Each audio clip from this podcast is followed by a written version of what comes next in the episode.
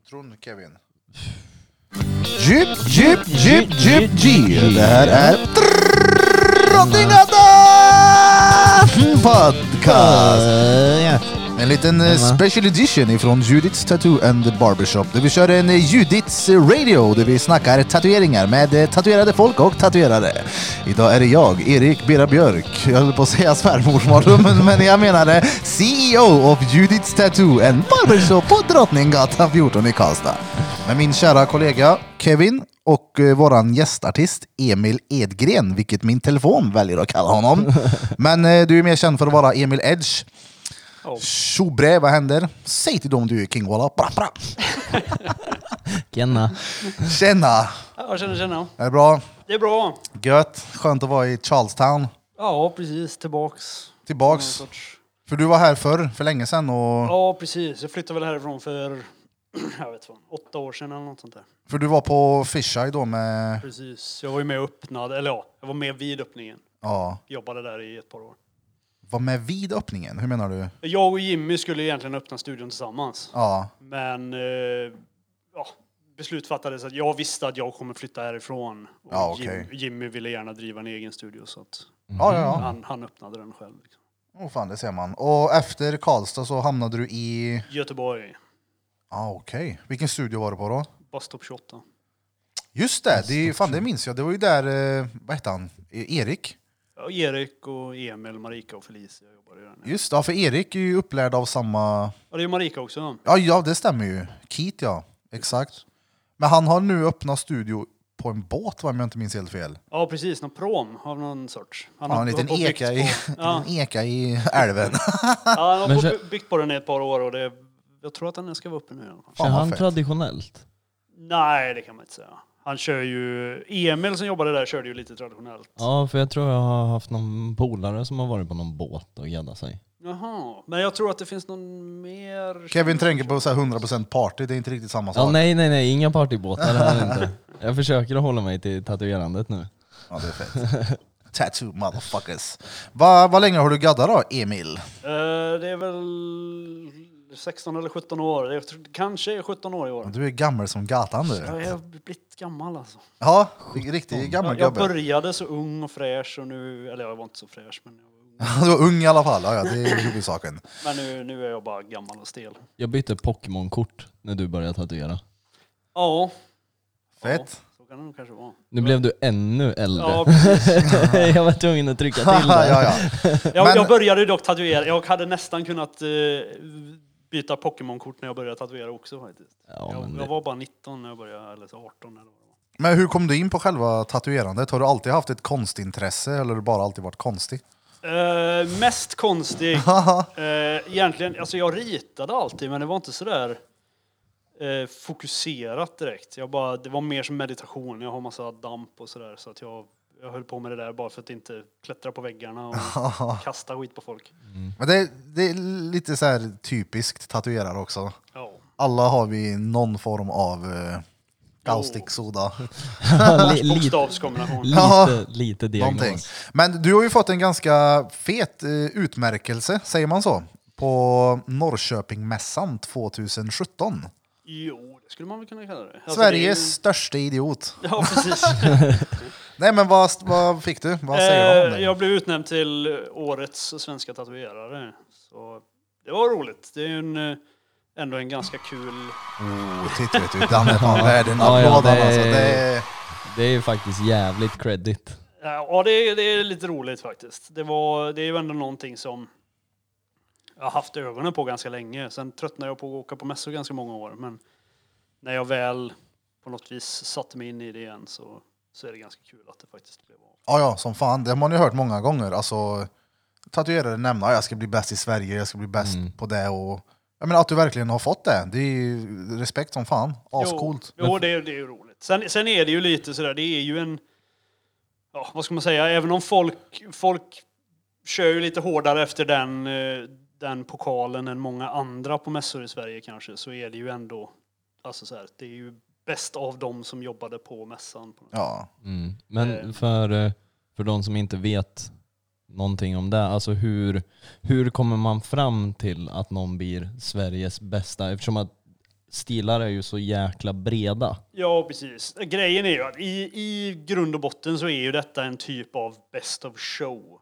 Sen är det ju en, det är en mässa där bara tatuerare som är aktiva i Sverige får vara med och tävla liksom. Mm, mm. Så att det är ju alla tatueringar som är gjorda på den mässan. Så det är ju vissa grejer som är gjorda över flera dagar och vissa grejer som är väldigt sådär specifikt för att folk just vill ha den här pokalen. Det är ju egentligen ett marknadsföringsinstrument mer än någon, någonting annat. Liksom. Mm. Men oavsett så är det ju alltid roligt för att man vet ju att folk, folk går ju rätt hårt i tapeten för att få det där priset och då är det ju roligt att vara den som plockar hem det. Ja, ja. Sitter han här med, ni, ni Ja, det- ser honom inte, han är riktigt nära. Eh, gå in på, sök på kantorn på Google så får ni se, han eh, sitter riktigt kantorleende här nu. Mm, mm. Nej men det ska du göra, det är som sagt det är råfett. Ja, det är ju... Det är ju inte det enklaste att plocka Nej. hem liksom. Nej, ju så är det ju absolut. Sen, sen är det ju mycket sådär, alltså av... eh, Jag vet inte, jag vet inte hur, hur man än vrider och vänder på det. Jag försöker väl någonstans både skryta och vara ödmjuk, men eh, jag tror jag misslyckas med båda. Får det, det, skryta. räkna, det räknas ändå ganska högt över vad över saker jag har eh, lyckats åstadkomma i Alltså- karriären kanske. Man, man ska fan kunna skryta alltså, så länge man gör det alltså, i kombination med att vara ödmjuk, som du säger. Jag menar, som, den där, du, King bara prapp, prapp. Jag tycker det är så jävla kul för att det är, det är bara bjud på dig själv och Mm. vad ska man säga, var, var stolt också. Det är typiskt svenskt att inte vara Jo, inte det. vara det. Kolla, hade du varit i USA då hade du liksom oh, fuck er, jag fick det här, kolla det är för att jag är bäst, säg till dem jag är king. Prapp, prapp. Och jag, var- jag var nog mycket mer så när jag var yngre. Alltså jag, har- jag har haft min beskärda del av styv i korken ögonblick, det kan jag väl säga. Men har du tagit hem, eh, för du har ju varit på mycket mässor och åkt runt och gadda och så. Ja. Eh, Mer priser, har det varit sånt som har... Jag har aldrig... Jag har varit ganska rädd för att vara en sån som jagar priser. Ja. Eh, plus också att så här, med, med storleken på mitt ego så... Jag, jag tar det rätt hårt ifall jag inte vinner. Alltså jag kan tänka mig att du är också en sån som så här, här Emil, du får det här priset för du vann den här tävlingen. Du, du, jag hade inte blivit chockad om du hade sagt fan jag vill inte ha din jävla skitpokal på den jävla skitmässan, det var ju sämst. Alltså, ja, jag ja, har definitivt gett bort pokaler på vägen av scen bara för att jag inte känner att jag vill ha dem. det är så? Ja, ja. Jag sa ju det. Jävlar.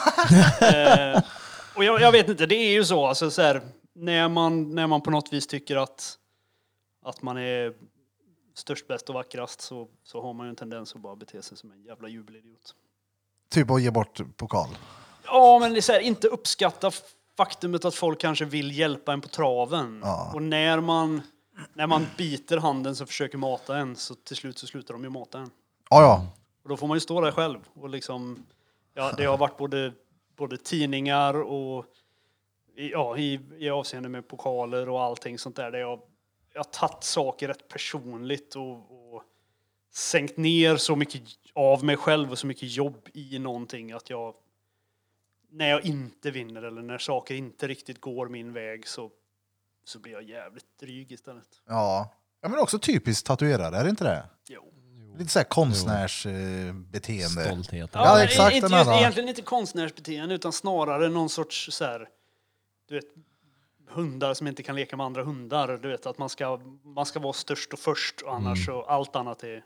Har du, har du någon gång, ja men säg att du har ställt upp i en tävling då och inte plockat hem pokalen och tänkt bara hur kan den här ha plockat Åh, hem många pokalen? gånger. Alltså Många, hur många, är det ens många. möjligt? Ja, jo herregud det har hänt hur många gånger som helst. Men det är det som är grejen att efter många år i branschen Mm. så börjar jag också fundera på var det, alltså så här, var det jag som inte fattade?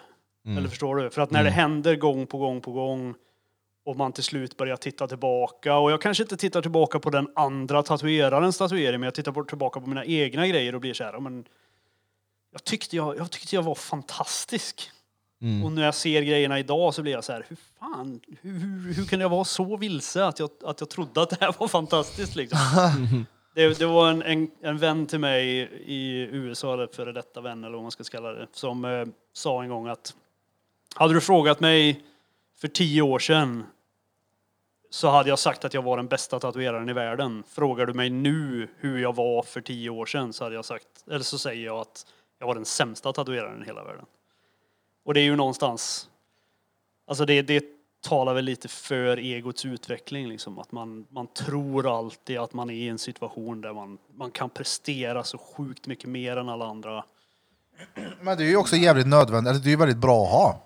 Alltså det är, det är en jävla bra mindset, jag menar då har du gått in för någonting och krigat för någonting och göra Ja, det så absolut. bara stenhårt du bara kan och då finns det ju ingenting annat än alltså, success i ditt huvud. att Det är det här det blir, det är det här jag är och det är ju det är inget fel i det. det Nej, ja, stenbra. nej, absolut. Och jag har ju verkligen, jag har ju aldrig varit rädd, jag har aldrig hållit tillbaka. Och det har ju varit så här, det har, det har gett mycket utdelning men det har ju gett mycket, mycket ris också. Alltså man har ju tappat många vänner och många, många möjligheter som man har förlorat bara för att man har varit en dryg jävel. Det är den jävla kantorn igen vet du. Men det är gött. Men eh, alltså när du började tatuera, eh, fick du lärlingskap eller började du hemifrån eller hur såg du ut eh, på den tiden 1982? Ja, eh, Nej vad sa vi nu, 2004 började du? 2004 började jag. 2004. Så det var... började väl egentligen som en kombination. Jag började lite hemma. Det var eh, faktiskt vad som nu är min svåger köpte loss en massa tatueringsutrustning av någon avdankad alkis någonstans. eh, som han köpte till mig.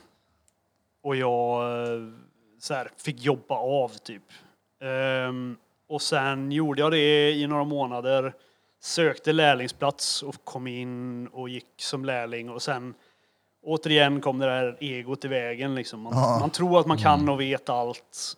Och, så jag gick ju bara som lärling i tre månader innan han kastade ut mig. Med, och med all rätt, jag är förvånad. Jag, alltså nu idag är jag förvånad att jag fick stanna så länge. Men vart, vem eh, gick du hos? Eh, Pekka på Pekkas tatueringskonst i Östersund. Okej. Okej. Så jag flyttade en bra bit och fick bara flytta hem igen. Ut med den där jävla idioten. Ja, men och, och som sagt, alltså, så här, jag, jag har absolut inget agg mot honom för att Du förstår Han- honom nu. hade jag varit i hans skor så hade jag sparkat ut mig på dagen. Ja. Jag, Men jag, eh, hos han Pekka, du var där, det var länge, tre månader sa tre du? månader. Hur, vad hände efter det? Eh, jag öppnade min egen studio. Eh, jag tror jag reste runt och gästade något ett tag, sådär, ett halvår, år eller någonting och sen öppnade jag egen studio. Åh fan, men då är du ju självlärd.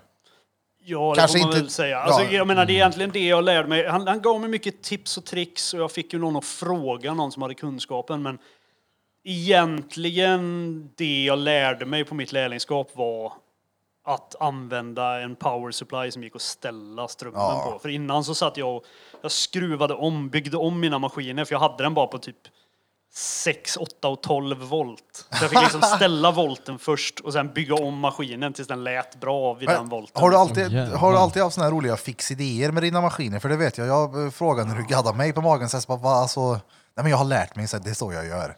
Med dina Ja. voltantal och han kör så här, på ex, exakt samma sätt på, med både färg och black and grey, samma volt och... Det är, jag vill nog ändå påstå att Filip gör det också, Jaså? uppe i Umeå.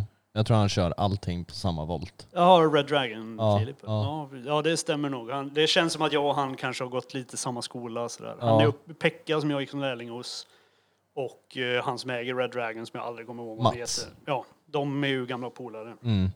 Så att jag tror att det, det kommer säkert eh, lite med...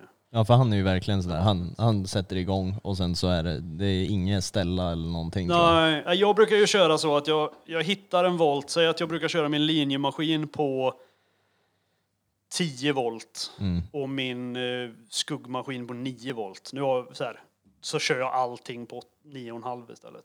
Men du har eh, skruvat ner dina maskiner ganska kraftigt. Med, Oh ja, För oh ja. Det, det var ju det första jag fick höra Ja, om. man har ju hört talas Alltså, om dig. Ja, ja, skördetröskan Emil Edgren, Ja. a.k.a. Edge motherfucker. Nej, Mörda, men, Mördaren. eh, jag vet Lars här i stan som har eh, Walk the Line. Ja, precis. Eh, han nämnde någon gång, får vi se om det här är sant eller inte, det har varit en mässa där du ska ha suttit och tatuerat med en rotary som har smält för att du har kört... Ja, det var inte på mässa. Det var ju min, det var på, i studion som rotorn smälte.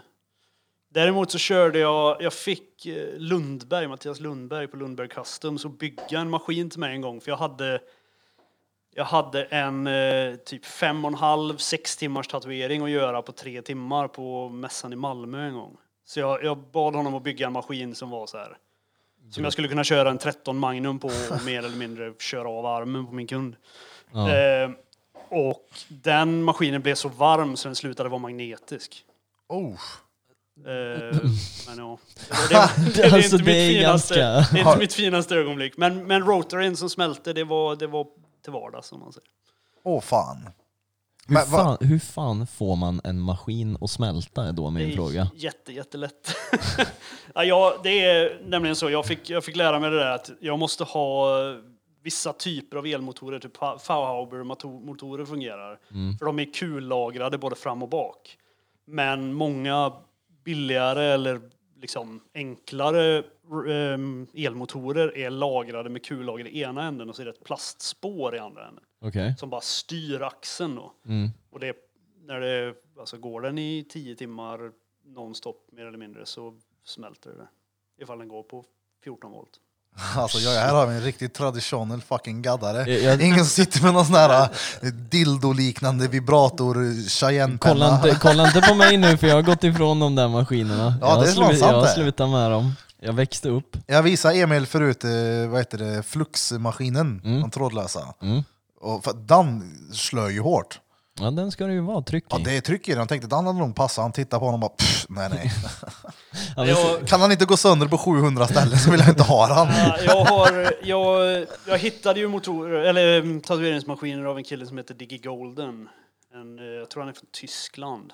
Eh, väldigt, väldigt trevlig snubbe som jag har pratat en del med och vi har snackat lite om att göra en, en eventuellt göra en signaturmaskin någon gång i framtiden. Men han bygger en maskin, eller byggde en maskin ska jag säga, som heter Harvester.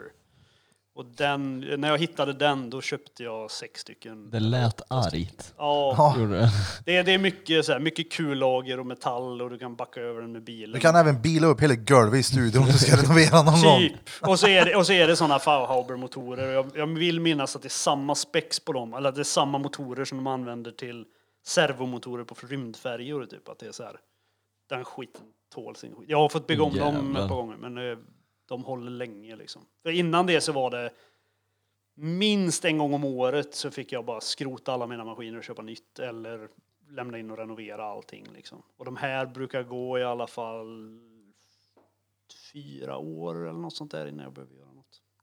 Vad var det för maskiner du körde med nu? Det är de.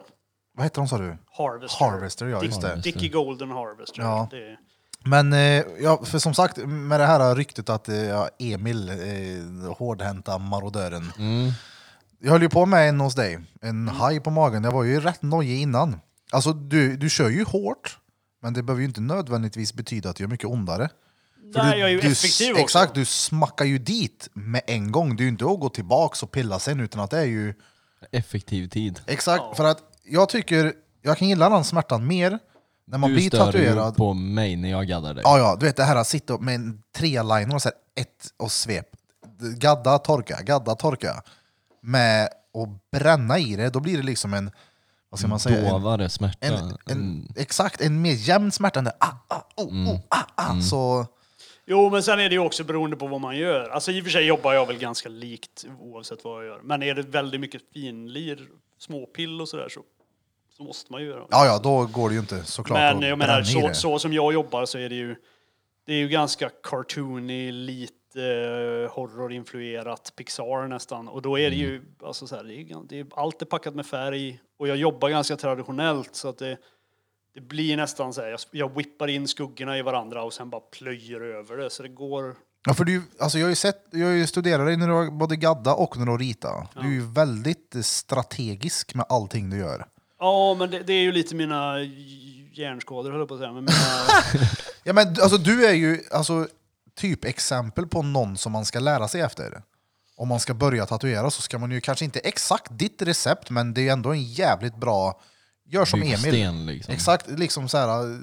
Köp inte en flux med en, och sen det första du gör är ett jävla porträtt, utan gör som du har gjort, för du har ju ändå... Jag, jag, har ju alltid, korrekt. jag har ju alltid försökt göra livet svårare för mig själv. För att jag har alltid resonerat som så att kan jag, kan jag göra det under de absolut sämsta omständigheterna så kan jag göra det vilken dag som helst. Och ifall jag kan, samma som med rita eller tatuera då, ifall jag lär mig hur det faktiskt fungerar, hur jag faktiskt ska göra för att göra rätt Ja. vid första försöket så behöver jag inte jag kan inte skylla på att jag har en dålig dag utan jag måste jag, jag tror inte riktigt på det här med ursäkter liksom. Utan man får, jag, jag, vill, jag vill vara precis lika bra ifall, du vet, när, när farmor dog och du vet, jag var tvungen att sälja huset och livet var skit. Den Ja. dagen ska tatueringen och, och jobbet och det jag ritar vara precis lika bra som den mest fantastiska dagen i mitt liv. Liksom. Jag, jag, jag vill bara... ja, Jag, jag vill hantera lite som en maskin. Jag vill Ja. inte, jag vill inte ja, men du vill vara- prestera, du har en Ja. in i helvete disciplin och det är ju också jävligt coolt. Men alltså, hur har resten av livet sett ut då, tänker jag, om du har varit så stenhård, allt på gadden?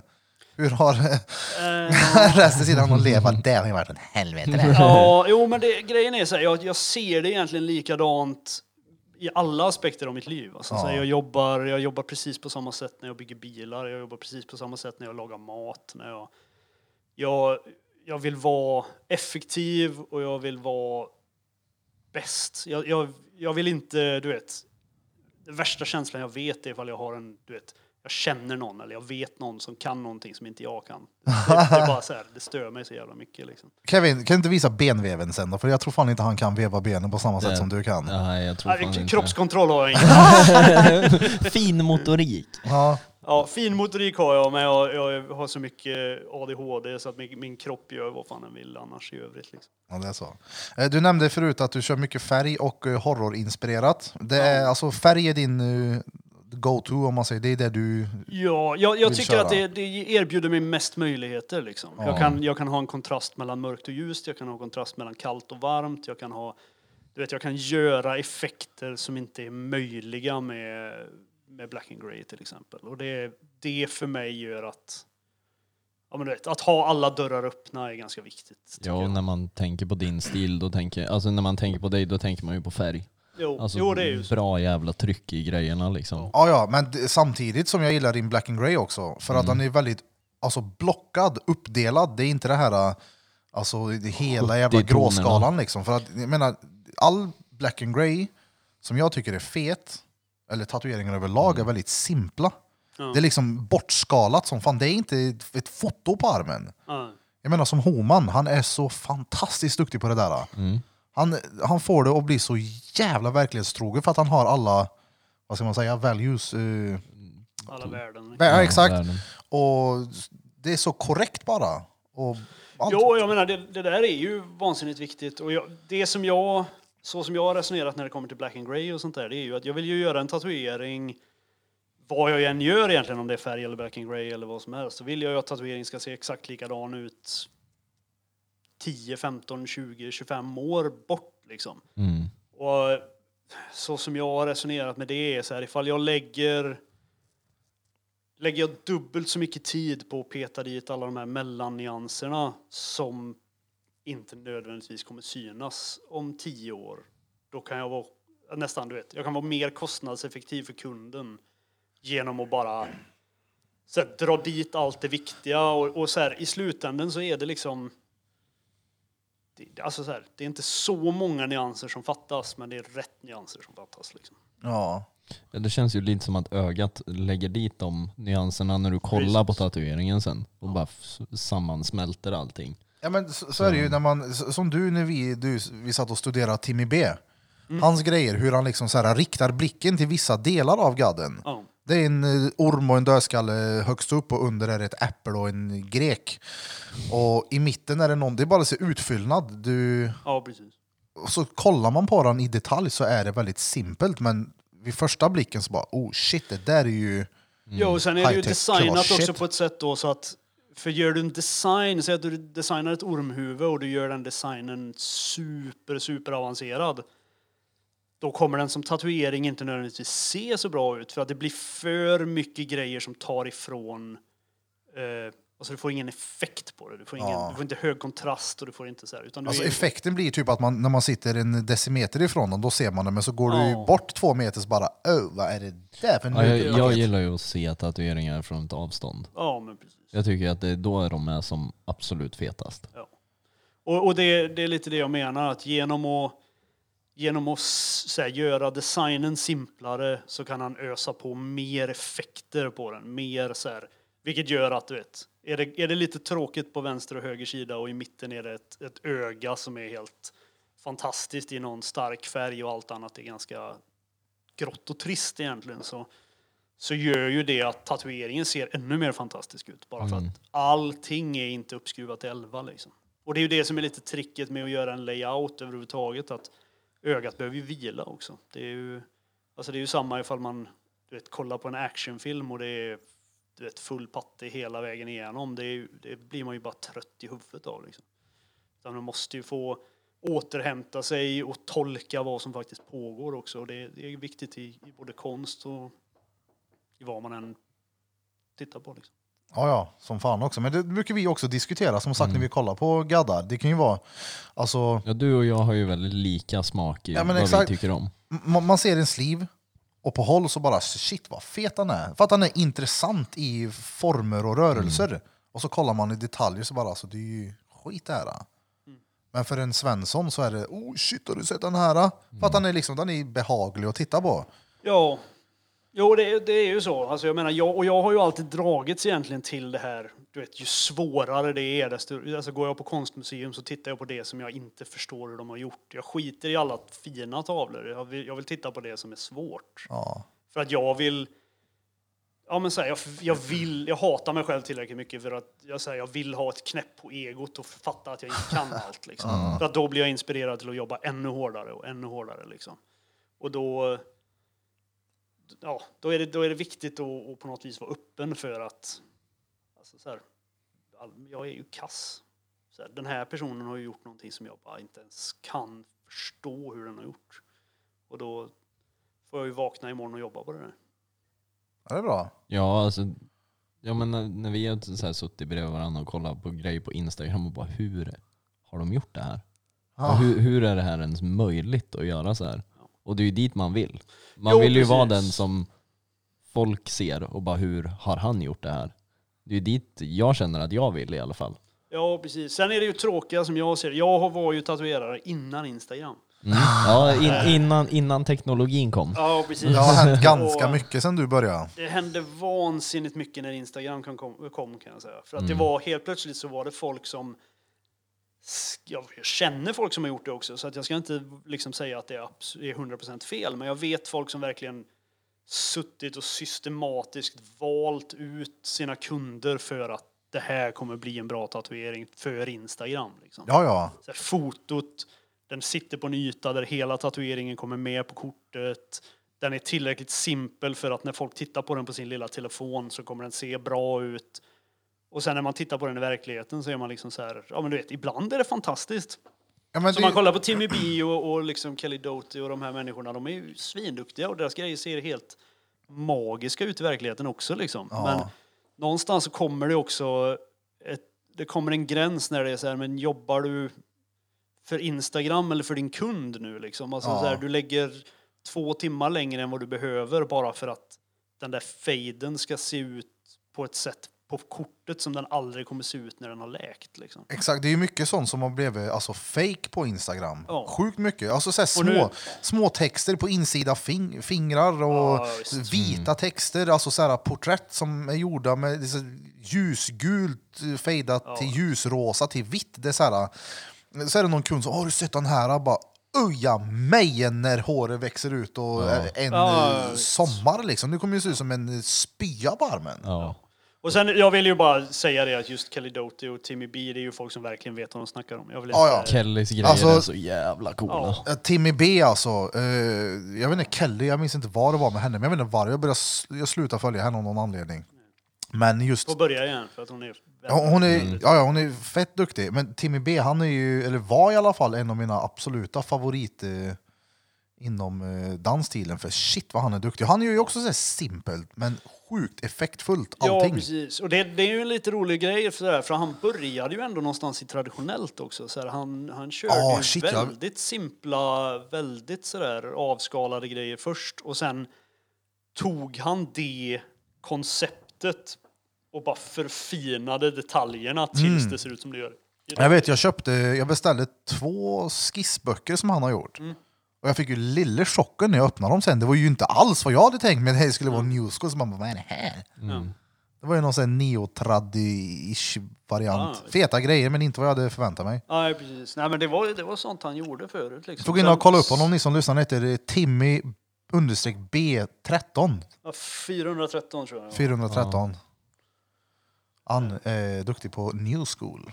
Ja, han är en väldigt, väldigt trevlig person också. Väldigt sådär... eh, Han har många bollar i luften. Han gör ju eh, både så här aftercare-salva och armstöd och har väl ett par studios och så här. Han Det är, han är driftig, driftig, bra snubbe. Cool. Men eftersom att du har jobbat så länge, du har ju sett alla stilar komma och gå. Ja, både ja och nej. Ja, men Jag skulle de, säga- De flesta. Ja, jo det har jag. I och för sig, ja, jo, på ett sätt har jag väl kanske det. För att jag skulle säga att här, den new schoolen, första new school-vågen som kom ihop med, med så här, biomech och sånt, då var jag inte så, de var inte aktiv i tatueringsscenen. Jag, jag såg det ju hända, men var liksom inte i scenen då på något vis. Mm. Men eh, då när liksom Aaron Kane och Guy Atchison och de här verkligen drog igång på riktigt. Ehm, men ja, jo, jag har väl sett, sett det mesta. Kommer Ja. honom. Hur fan höll hans grejer? Fantastiskt. Gör de det? Ja, jag har en Det polare var det länge sedan som- jag såg. Eller vem av dem tänker du? Atchison eller Atkinson Ja, eller vad han Atch- hette. Atch- alltså, Guy är ju... eh, Han är, han är ett, ett annat typ av djur alltså. Han, Ja. han tänker ju inte på tatuering på samma sätt som någon annan tatuering jag vet. Liksom. Anledningen till att jag frågar är att jag, alltså, jag har sett honom, jag vet vem det är sen jag började gadda. Ja. Och jag vet att han hade den här, det var någon eh, organisk, vad heter det, biomech-bok. Ja, vet du vilka jag menar? Ja, Organica kanske han Ja, heter? precis. Biomechanical Organica. eller något Exakt, det finns det typ två volymer, volym 1 och volym 2. Ja. Men då, jag vill minnas att det var mycket så gula eh, biomech med mycket vita inslag. Ja. Och jag har inte tittat på flera år om jag ska vara ärlig på hans grejer, så jag tänker undra hur de ser ut nu. Eh, Jag har I sett, och med att han är så fantastiskt duktig som han är. ja, han, han jobbade ju också väldigt mycket i lager, så han la ju aldrig en tatuering en gång, utan han gjorde ju han jobbade ju liksom in det där röda och orangea tre gånger i en tatuering ofta liksom. Det är som han... Oh, förlåt, fortsätt. Ja, nej, men Ja. eh, det är så att mycket, men det är ju så. Alltså jag menar som den or orangea som fanns för ett antal år sedan och jag eh, liksom sådär. Det är ju upp till bevis med den färgen som finns idag. Men, Men det vet du, du snackar om när jag gaddar med att säga att just orange är... och jag håller mig gärna ifrån orange. Ja, det är så? Ja, men det är just det där. Det är det, är det där gamla som sitter i. Att det, det fanns något märke, så Starbrights orange vet jag, den, Ja. den satt kvar. Men annars så var det liksom, det bara försvann. Men alltså kollar man Eternal Orange, den, alltså den Bright Orange, alltså den är ju shit vad han är baff, spot on Jo, men alltså. det, grejen är att det var skitmånga färger som var det på den tiden med. Ja. Men alltså, så här, premium, det var ju, den orangea var ju helt magisk. Och så det, det var liksom så här, precis när det snuddade vid 6-7 år eller vad det var. Så bara försvann den. Alltså det, var, det fanns inte ett spår kvar. Och det, lite så har det varit med en del av Guys, Guy Atchisons grejer också. Men han jobbade ju bort från det och började använda mer bruna och sådär eh, istället. Och, alltså, så här, jag har sett slivar och sånt som han har gjort som verkligen är... Alltså det är... Ja. Alltså det, det är också sådär, du vet, detaljnivån. När man är Guy Atchison så kan du faktiskt lägga 250 timmar på en sliv om du har lust. För att den kunden som kommer till dig, den kommer aldrig gå någonstans. Liksom. Nej. Nej. Eh, och så jobbar han där ute på sin ranch liksom, och så sitter de hela nätterna och hela dagarna. Liksom. Men, Men på tal om att jobba i lager sådär med färger, är det någonting som du har gjort också? Um, ja, jag har ju kommit in i tatuerandet mer av någon sorts alltså produktionstänk. Det är så här, visst, konst är ju är coolt och så, men Ja. någonstans är det också... Jag, jag har, vad ska man säga? Det, det är väl återigen det här att jag vill vara effektiv. Jag, vill- jag vill inte sitta och peta i någonting som jag inte... Jag har ju anpassat min stil egentligen efter att jag ska kunna göra det fort och bra och, och liksom ta rimligt betalt så att jag inte känner att jag vare sig lurar min kund eller lurar mig själv. Liksom. Eh, och allting som kommer till lager och sånt där, det är så här, vill du ha mycket effekter i en tatuering så det händer ju att jag lägger saker i lager, men då försöker jag lägga upp det på ett sätt så att jag kanske blästar över ett område med en färg och kanske skuggar in den och whippar in den med vatten och sådär för att få den att tunna ut lite. Men det såg jag att du gjorde förut när du satt och gjorde pumpan. Ja, precis. Och, då, och sen går jag över det med en annan färg åt andra hållet då, och, och liksom kör över det i en annan sittning kanske till exempel.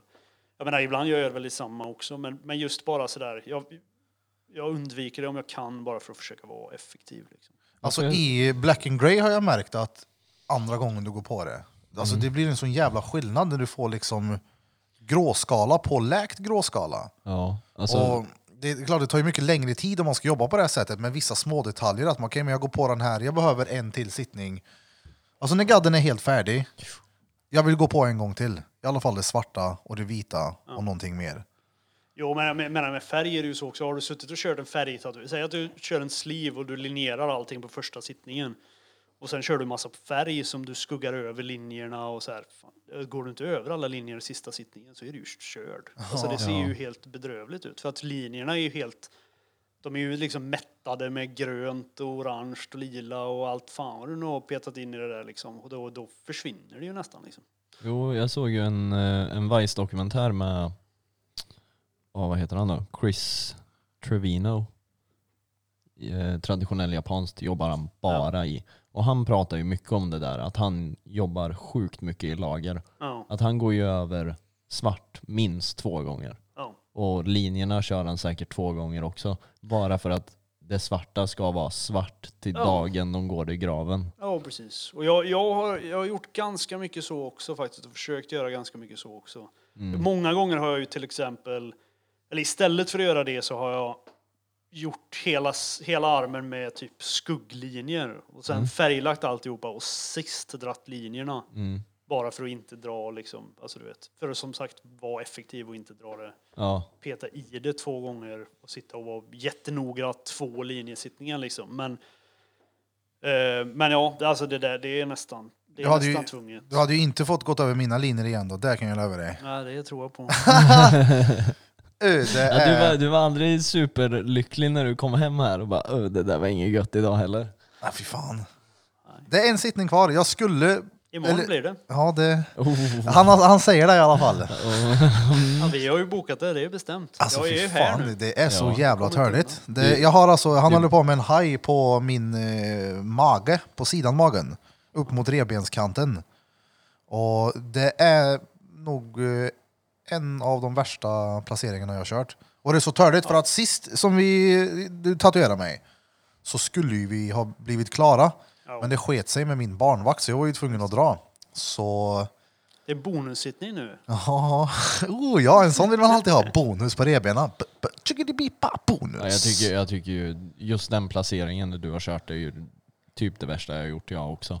Hatar det. Och Ja, ja. jag har ju bara skuggat, jag har ju inga linjer på magen. Men jag kommer ju ihåg att det var ju så jävla sämst verkligen. Det är ju också en av de absolut sämsta ställena att tatuera någon på. Ja, ja, ja. och jag tänker på fetbirra också. Det är ju inte världens... Det är sämsta placeringen. Ja. Fel sida också, för du, du får ju sitta och luta dig över. Ja, precis. Och jag tycker, och så även om man gaddar på, vad blir det, vänstersida bröst. Det kan också vara jävligt svårt för du får sitta liksom Ja, i en du har ju position. armbågen typ. När du är högerhänt så får du ju armbågen rätt i ansiktet på. Exakt. Och sen så det är ju ännu värre det vi snackar om nu, min placering, för att det gör ju tväront. Det är ju få kunder som verkligen ligger still. Jag ligger ju och... Ja, inte, inte nog med det, utan ska du få någon sorts hjälp med att sträcka huden så får du ju bryta ryggen på kunden också. Liksom. Upp med armen och vrida dig så här och ligga som... du Kunden får hänga i rockringar för att det ska gå. Ja, men lite så. Det blir någon sorts gymnastikpass mitt upp i alltihopa för att man ska kunna få någon sorts hjälp med det där. Och det är det är ju så också, allting som är runt bålen, det är ju det vet man ju om man kör svanken på någon eller något så här. Du vet, man trycker stencilen och tatueringen ser pytteliten ut så lutar de sig framåt och så är den liksom du vet, den blir fem gånger så lång liksom.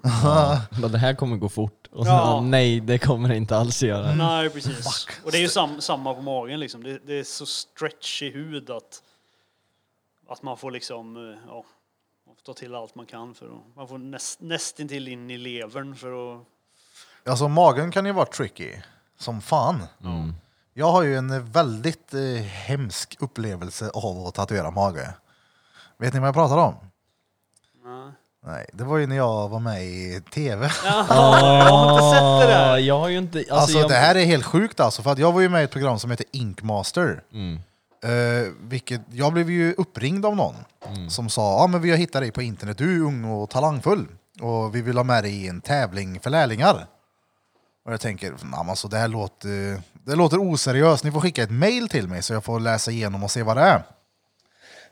Jag får mejlet och jag ser att det är, vad heter hon, eh, Heidi High eller Heidi Ja, just det. Mm. Ja. Hej, Heidi High, High, ja, hej. Med det, hej med det Heidi. Heidi High, eh, Jens Bergström och eh, Theo Jack. Ja, just det. Och jag såg det och tänkte, Ej, det här är ju fan seriösa namn. Det kanske är seriöst. Så jag svarade, "Ja, men det lät fett. Det kommer någon brud eh, från Stockholm till studion och ska intervjua mig. Eventuellt gå vidare eh, till någon jävla tävling. De är ju, ja exakt, de fortsätter ju poängtera att det här är en tävling för lärlingar. Eh, Jag går vidare, kommer till Stockholm. Det är ju råhemligt vilka alla andra är. Men Jag försöker så titta in i rummen och bara, vad fan är det, är det här för någonting? Men det var top secret vilka som var där. Eh, åker hem. Blir, nej, det var den gången. Jag fick åka in och visa mina jobb för Heidi och de var imponerade. Skitkul. Hur som helst. När jag ska till Stockholm nästa gång så får jag ett mail. Och det de har missat då det är att de har ju mailat samma mail till allihop. Så jag ser ju alla andra som har fått det här Ja, mailet. Mailadresserna till de andra deltagarna. Exakt, och där står det Weckmeister. Alltså eh, Victor Mosby på Victorious Art i Falköping. Mm. Jag tänker så här, vad gör han här? Han är ju inte lärling. Jag har ju följt honom fett länge, han är ju tvärduktig. Vad gör han i det här programmet? Skojar ni? Och så tänkte jag, ah, okej de har tagit med honom för att de vill ha en professionell nisse där liksom. Ja. När jag kommer dit så har han gaddat typ minst av alla andra som är där. Men en niss som var med, han hade gaddat typ så här 16 år. Jag bara, hallå ey, vart är alla lärlingar? ja. De bara, vadå? Det var väl typ du och Micke. Ja, Var, var han ens lärling? Ja, jag vet faktiskt inte. Ja, jag vet inte, hur som helst, de bara, eller jag tänkte så här, vart är de? De bara, Det här är ingen tävling för lärlingar. Nej, ja, ja. Hur som helst, det kommer ju till den här dagen när vi ska köra. Eh, De kommer in och säger, ni ska köra Western traditional. Jag tänkte så här, vad, vad fan är det? Vad är Western traditional ens? Det, det American traditional alltså enkelt. Sa Western traditional. Hur som helst, alla såg ut... Old, school alltså. Ja, Ja. De såg ut, eller alla såg ut som frågetecken, men jag bara vad fan är det? Det är klart att det kom med i tv, den tjocke diabetikern liksom, har ju inte koll på någonting. Nej. I alla fall, när jag ska göra den här, jag ska göra, jag får i uppdrag att göra en fjäril på magen på en snubbe. Och jag bara såhär, oh shit, alltså mage, jag har ju inte kört någonsin tidigare mage innan, hur fan ska det här gå till? Skitsamma, ta det lugn och ro, vi ska gadda. Eller vi får ett x antal timmar på oss att designa den här old school fjärilen som jag gör. Eh, Jag är klar typ så här, tre timmar innan vi ska vara, ja, trycka stencilen. När det är typ en timme kvar och av någon jävla anledning får jag kalla fötter och bara river sönder min design och slänger den och bara, jag gör en ny. Och det går inte. Jag får inte till det. Sen är det så fem minuter kvar och jag bara, ah shit vad gör jag? Okej, nu måste du sätta den. Jag får till den i alla fall. Trycker stencilen, ska köra igång den här. Då kommer vi till nästa problem. Det är att när jag ska sätta upp min maskin, då har inte jag mina ståltippar och stålgrepp som jag är van. Utan nu är det ju engångs i plast. Vilket var ingenting som jag körde med. Ja, d- Vilket är en ganska svår övergång. Alltså det är ju som dag och natt. Ja, alltså det är sjuk skillnad på att köra det där. Mm. jag trycker stencilen, eh, gör nervös över designen, över allting. Allt är bara åt helvete. Jag sätter i och kör första linjen och bara oh shit, my god, det där blir ett noll bra. Andas nu, ta det lugnt. Ta några djupa andetag så blir det bra. Men nej, nej, vad ser jag i spegeln? Och det kommer in ett, TV, ett kamerateam och ställer sig bakom mig och filmar. Så jag får ju säga så här till dem bara, Ey, ursäkta, eh, kan ni typ gå eller? De bara, nej nej, det här vill vi nog ha med. Så det var min första upplevelse av att gadda mage. Det var hemskt var det. Och det var roligt för dagen efter var det vem som skulle åka ut ur tävlingen. Vem var det då som fick dra därifrån? Här med det. Det var jag det. Så det var, det var hemskt var det. På tal om att gadda mage. Ja. Ja, mage är fan alltid lite knepigt. Ja, jag, jag kommer ihåg min första erfarenhet av att gadda mage också. Var inte. Så jag satte en text under naven på en, en kompis till mig. Och så här, fick upp honom på britsen och la, satte stencilen när han låg ner. Han var ändå så här, lite kraftigare kille liksom. Och satte stencilen och gjorde hela tatueringen. Och du vet, på den tiden, jag hade ju inga speglar och skit i det där rummet liksom. Så att han fick ju aldrig hoppat ner och tittat eller någonting. Oh. Så att när jag var klar insåg jag att jag vet inte hur den här ser ut när han står upp. Så jag fick bara så här lite snyggt vara så här, ja men ligg kvar här och blöd lite grann så ska jag bara gå iväg och så, så gick jag iväg och ringde en tatuerare som jag känner och bara du, jag kanske har uh, fuckat upp det här nu, vad fan gör jag liksom? um, sen när allting kom, alltså när han hoppade ner och så, så var det ju inga problem. Det, så här, Ja. det syntes liksom inte att jag hade gjort något fel, men det var, Mm. ja, det var, det var lite svettigt där Jag gjorde det när jag gaddade hemma. Ja. Så gjorde jag ett eh, kors på överarmen på min polare. Och då skulle vi ha liksom under korset. Tänk er att man eh, alltså lyfter upp armen som att ni gör en bicep curl, liksom, att armen är rakt ut. Där höll han armen när vi tryckte stencilen. Ja, Han kollar i spegeln och håller liksom kvar armen på samma sätt. Sätter ner den på armstödet, vi gör texten. Men sen när han går och tittar i spegeln då släpper han ju ner armen och den stack ju åt helvete den. Den var ju inte alls eh, symmetriskt hur vi hade föreställt oss den. Så det är noga det där med att trycka stenciler korrekt, vilket kan vara ett jävla problem ibland alltså. fan, Det är ju vad svårt det kan vara. Stenciler kan vara så jävla svårt ibland. Alltså som, jag hade ju det förra veckan. Jag tänkte jag kan, jag kan ju inte det här längre. Det tog mig typ sju försök att sätta en stencil. Och jag tänkte det går inte. Snart sular jag en stol i väggen och går hem. Det kan ta sån energi. Ja. Alltså jag menar, jag hade ju en sån idag, sån där med ett tomt, rakt Åh. streck Ja, rätt oh. igenom, runt underarmen liksom. Alltså det är ju så här, nu... s- Liksom, ja, jag, har ju, jag har ju gjort det där några gånger så att jag, jag vet ju lite hur jag ska göra och det är ju samma där att så här, man får försöka, man får lära sig hur man ska göra så att man aldrig behöver göra fel. Hur, hur blev storleken på utskriften? Exakt. Han, alltså, han kommer och säger till mig, han bara, kan du skriva ut den här på, jag vill ha 87 procent. 87 procent? Det var jävla specifikt, inte 90, nej han ska ha 87,3. Så det var, var det korrekt då. Ja, det var perfekt. Jävla öga för eh, millimeter då. Eh, men som sagt, den, eh, det är en av de svåraste för att verkligen Ja. få någonting runt på en arm som Och inte som- är rund. Nej, precis. Armen är inte rund och den är koniskt formad också. Den är ju smalare ner vid handleden. Så att när man väl trycker det där så är det, det går inte att trycka en stencil så liksom. Utan du får ju du får trycka det efter bästa förmåga och så får du rita om det tills det ser bra ut. Och det, fan.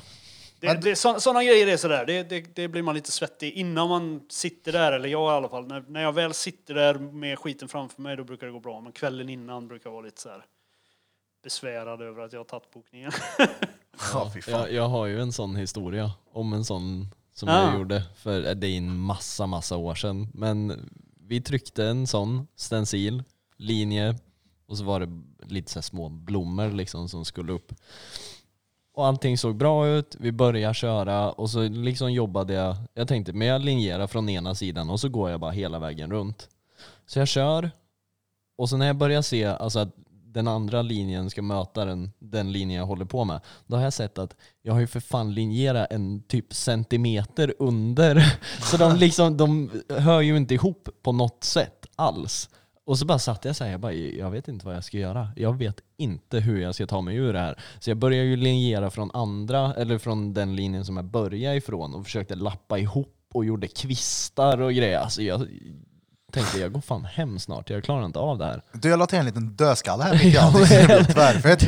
Du är lite blackwork över det här. Freebasad. Jag, jag gjorde den en gång, jag gjorde en sån här kompassros, en sån här stjärna som är svartvit, svartvit, svartvit. Oh. Och vet, alla gånger man har gjort dem så har man ju verkligen så här markerat vart det ska vara svart. Ja. Och även när jag gör den så sitter jag så här, jag fyller i svart, sen tänker jag vitt. Nästa blir svart. Den här gången så gör jag det här på en kille.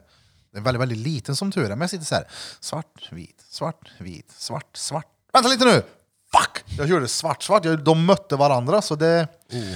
Det ska man inte göra. Men det var på en eh, otroligt liten, så det var bara en liten detalj i den. Så jag lyckades på något jävla vänster och få det att se ut som att det skulle ha varit så. Ja, det, det finns ju några ögonblick i livet där man har varit, varit lite kallsvettig på jobbet. Det får man säga. Det är ju, alltså så här, för mig var det ju, jag hade säkert de första tio åren, i alla fall nära tio år, säkert de första åtta åren i alla fall, så ville jag ju kasta mig framför tåget varje gång jag var på väg till jobbet. för att det, det var liksom, ja, men stressen av att ha prestationsångest och någon sorts så här, perfektionisthjärna och vilja jobba effektivt och vilja ha allt det här och vilja vara bäst på allting man sätter sig för så är det att, att gå in och har man inte det där egot som vi pratade om förut, att man, man är så styv i korken så man inte fattar att man är dålig, så, så mår man så jävla dåligt när man går till jobbet och inser att den här grejen ska sitta på en annan människa för resten av deras liv. Och jag, jag vet inte vad jag håller på med. Liksom.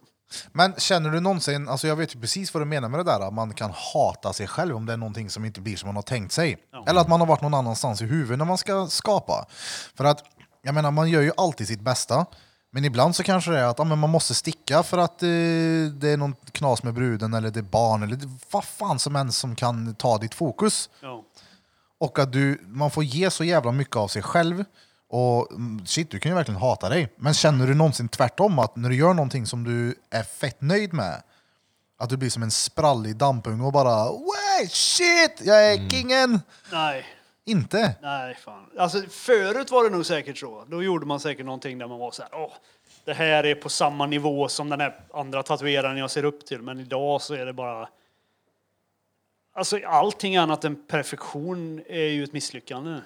Alltså så här, är det inte, är det inte det bästa kunden har sett så har jag ju inte gjort mitt jobb. Ja, det är ju bra, alltså, Ja, eller bra, det, jo det är det väl. Det är ju Jo, men det, det, är ju inte, det är inte nödvändigtvis bra för psyket, för det kommer ju också en dag där man... Alltså så här, för mig var det ju. ganska... Ja, precis. För mig var det ganska viktigt i början på min karriär när kunden... När kunden blev positivt överraskad. När kunden liksom blev så här, åh herregud, tack så mycket, det här är mycket bättre än jag förväntade mig. Men när man har ett gott rykte och man har jobbat länge och folk vet vem man är.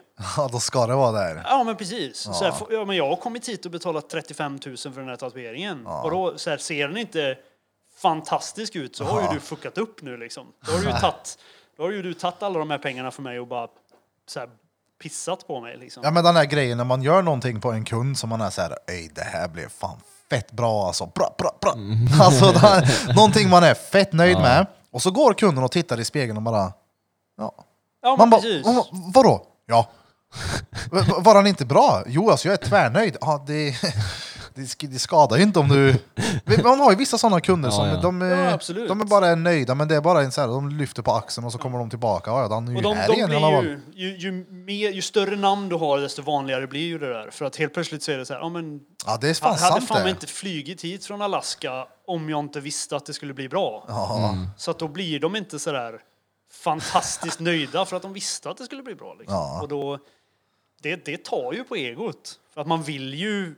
alltså Man vill ju ha reaktionen av att någon Ja. är jävligt nöjd. Ja, men precis. Man vill, ju, man vill vara rockstjärna i det ögonblicket. Ja, men liksom. exakt. Att så här, ja, du, nu är du så jävla nöjd att du klev in i min värld här, i, mi- på min scen där jag regerar liksom. Och sen när de går och bara, oh, ja men det blev väl bra. Bara hopp, Ja, det blir som en kniv i hjärtat alltså. fan vad kass jag känner mig nu. Alltså, ja men det minns jag Keith gaddade med en gång. Det, det blev också bara så, jag var jättesleten efter sittningen, jag bara that's nice. Han bara that's nice! Det är som att, var det det jag menade? Jag bara nej alltså Danny, jag är tvärnöjd, jag är bara sallad i skallen efter att ha suttit här och haft fett ont. Ja. Fy fan. Men nej, jag, jag försöker aldrig att, att eh, dra mig för länge med att vara vara nöjd med grejer. För det är också en sån där sak som skadar utvecklingen. Liksom. Ju mer ja, ju mer nöjd jag är över någonting, desto, alltså så här, jag behöver ju sporras och göra bättre nästa gång. Men, Jag tror att Emil här hade, blivit, eller hade kommit väldigt bra överens med våran kära kollega Erik Örnström. Och så in i helvete.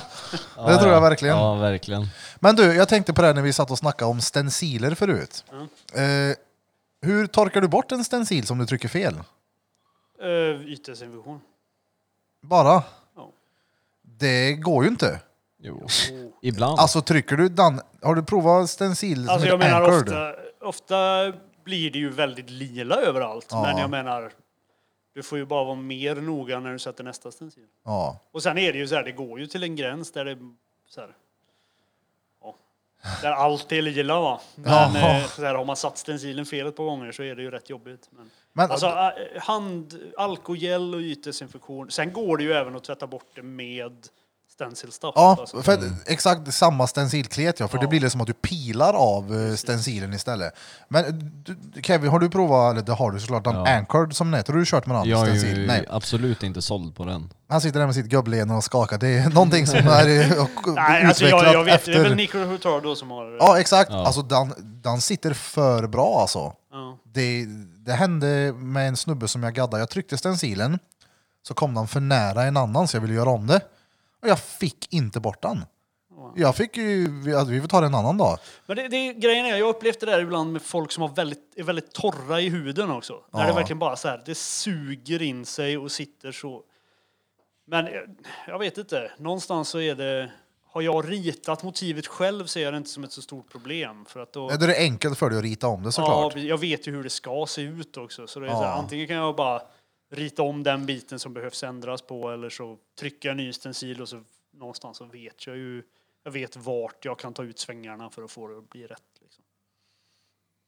Åh, Ja, det känns som att mycket av dina designer kan vara att du har en mån, eller eh, en lucka där du kan tweaka Ja, lite överallt. grejer. Ja, alltså eftersom att din Ja. stil är ju väldigt fri. Det känns ju som att det inte finns något nu sitter jag och säger att det kanske inte finns några regler, men att du har friheten att kunna... Det finns väldigt mycket regler, men Ja. ja. jo, så är det ju. Alltså, vi hade ju lite skämt om det där. Jag jobbar ju även ihop med min sambo, Sanna Magnusson. Och jag, vi jobbade ihop med eh, Mardo Kurdian som har eh, Tattoo Meltdown i Trollhättan. Eh, vi jobbade allihopa på hans studio. Och det var, vi skämtade ganska mycket om just mina stenciler där. När så här, ju större st- motivet var, desto slarvigare var stencilen. Liksom. Att, för att jag vet, jag vet hur motivet ska se ut. Så att stencilen är egentligen mest en skiss. Ja men som eh, du när du visar den pumpan du ritade förut innan du gaddade när jag frågade hur gör du här och då förstår jag också grejen. Du, det är en kladd för dig för du ritar den när du gör den. Ja, Det är också det som är det roligaste, speciellt när man har ritat det själv. Det är att du, du gör grundidén på de, de, designen på papper eller paddan och sen så gör du färdiga produkten på gadden. Ja, precis. Och det är också en sån där, jag kom ju inte, jag målade ju aldrig, alltså speciellt inte med färg och så, före jag började tatuera. Så att jag har ju lärt mig att måla genom att tatuera. Så när jag, ska jag måla en tavla till exempel så måste jag göra det på samma sätt som jag tatuerar för att annars så snubblar jag på mig själv liksom. Så jag gör alltid allting, och det är därför det passar mig väldigt bra. Jag, hatade ju digitalt i alla år, jag var ju sån den största motståndaren som fanns. Ja, Jag kan tänka mig, jag satt och tänkte på det här förut, bara, Ja. fan du har fan en iPad, hur gick det till? Ja, det var ju just när jag träffade min sambo. För att hon hade en och så skulle jag... Det är ju som sagt det där jag kan inte ge mig om någon annan kan så, så så att det, det går griller i huvudet på mig. Liksom. Så, där. så jag, jag var tvungen att lära mig. Så att, och då när jag väl hade lärt mig det så fattade jag ju alla fördelar. Och då, då blir det just det jag kan, jag kan måla och skissa i färg på exakt samma sätt som jag tatuerar. Och då, Ja. Då funkar det, då klaffar det i huvudet så jag kan liksom mosa på i samma tempo och nyttja samma flow som jag har när jag tatuerar. Liksom. För förut så var det, när jag började tatuera så gjorde jag allting helt färdigt i färg med färgpennor. Varje tatuering. Uff. Ja. Och sen kom det till en gräns där jag var så här, jag, jag, gör, jag jobb, jobbar dubbelt. Jag, jag gör Alltså, liksom det är dubbel heltid. Alltså det är ju anledning till att jag inte tatuerar färg. Alltså det, jag som, det jag tycker är roligast att gadda så är det ju egentligen så här new school i färg. Som jag pysslar med mycket förr i tiden, så Jimmy Litwalk-motiv och grejer, så här Tony Ciavaro. Eh, nu gillar jag ju såklart allt jag gör nu också med black and grey och sånt, men det är ju för att mestadels för att det är alltså strategiskt. För jag har ju även studion vid sidan av som jag måste ta hand om, så då kan jag inte lägga den tiden som krävs för att rita allting. När man kan göra en, jag vill ha en dödskalle och en ros, okej jag kan designa den i datorn på en kvart till dig. Men ska jag rita den så kan det ta en vecka. Om det vill sig illa, om man inte kommer in i flow på kvällen. Men ha kids på det och du vet, det, det blir huvudvärk. Jo, så är det ju. Eh, jag vet inte, för mig... eh, ja, jag vet inte, nu tappar jag bort mig helt och Ja, det får man göra. Jag börjar tänka på mina bilar i mitt garage. Ja, men vi kan väl eh, komma in på den också, för du sysslar ju med att eh, skruva bil. ja, precis. Du håller på med, du visade någon eh, bil för mig förut, jag kan ju ingenting, men den var ju bött sänkt i alla fall. Den stod typ på backen. Vad var det? Eh, ja, det, jag håller på att bygga en 35 Ford nu, så det är en Ford femfönsterskupé från 1935. Som jag snubblade över vid fel tillfälle. Jag, och sådär, du vet. Men jag, det var tillräckligt nära att ha pengarna att jag kunde, jag kunde liksom få ihop det och köpa den här bilen. Vilket jag absolut... Jag hade sagt till min sambo veckan innan att ja, nu, nu är jag färdig, så här, nu har jag tillräckligt med bilar. Jag ska, jag ska inte köpa något mer nu på ganska länge. Och sen Ja. Veckan efter köpte jag en till.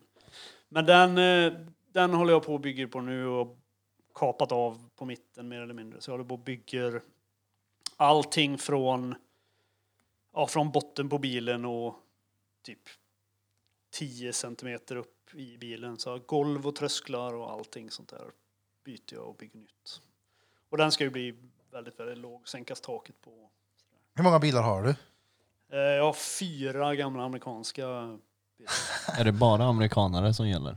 Ja, alltså grejen är så här, jag har ju...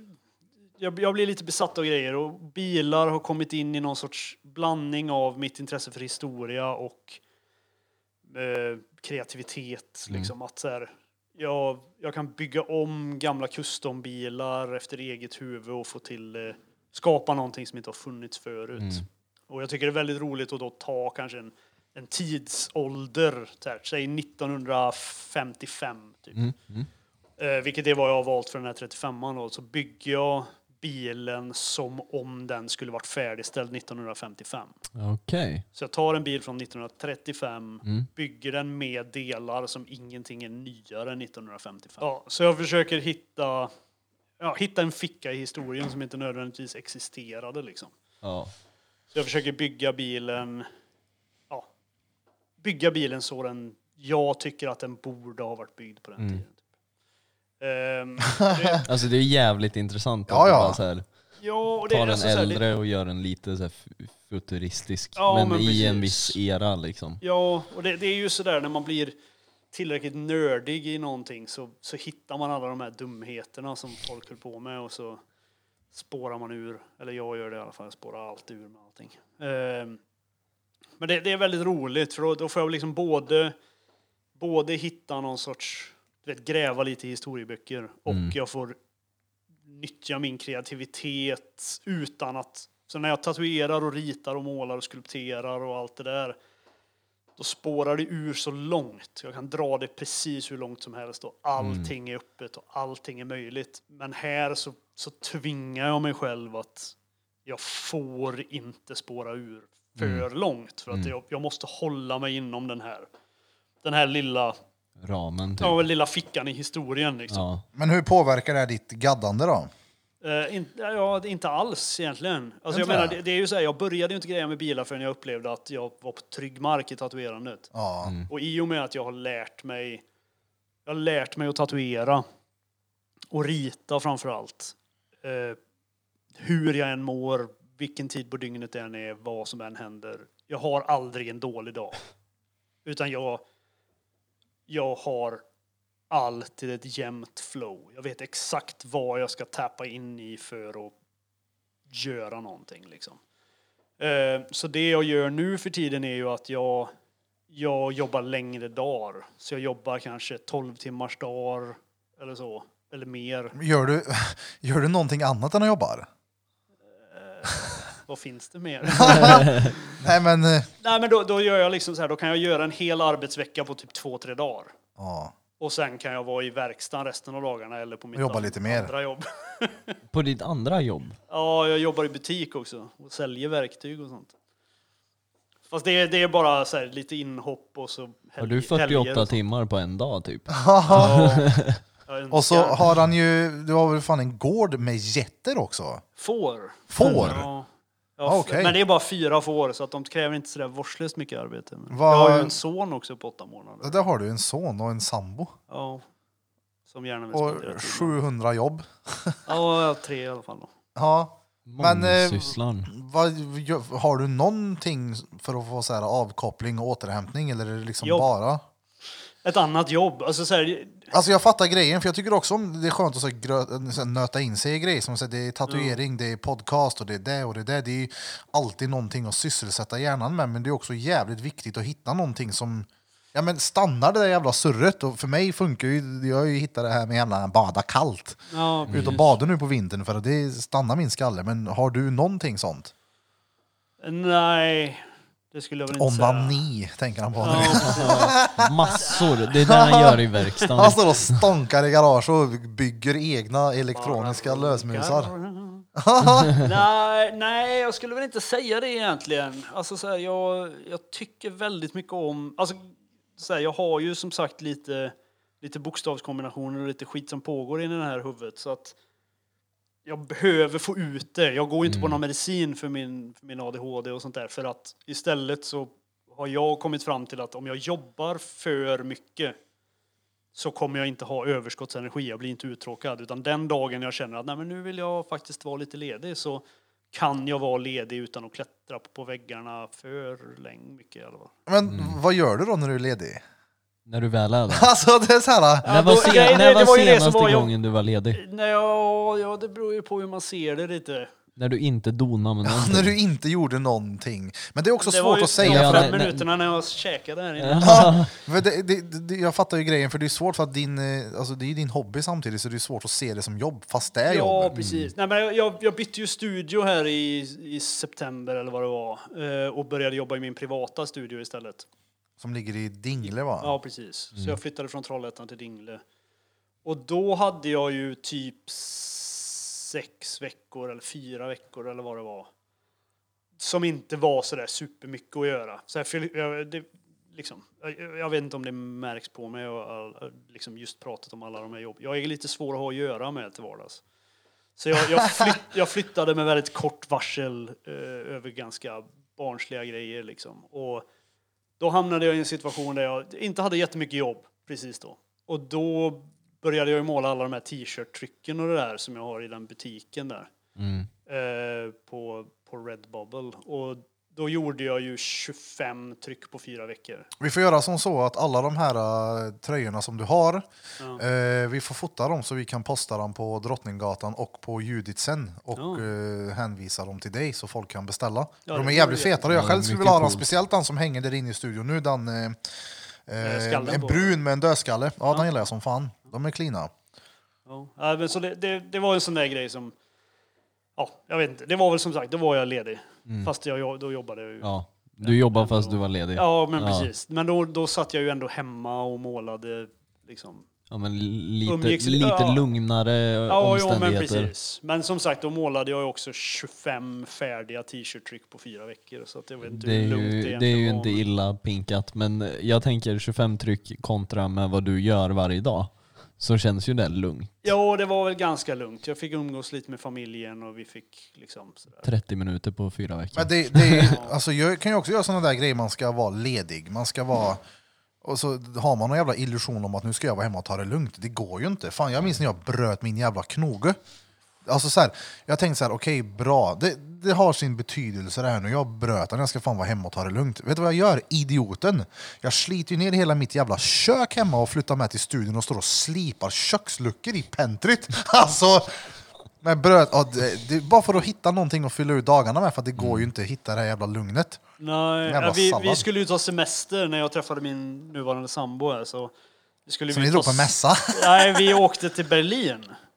Och tänkte, men om vi tar fem dagar i Berlin, det blir ju Mm. skitnice. Vi gick på 11 museum på fem dagar.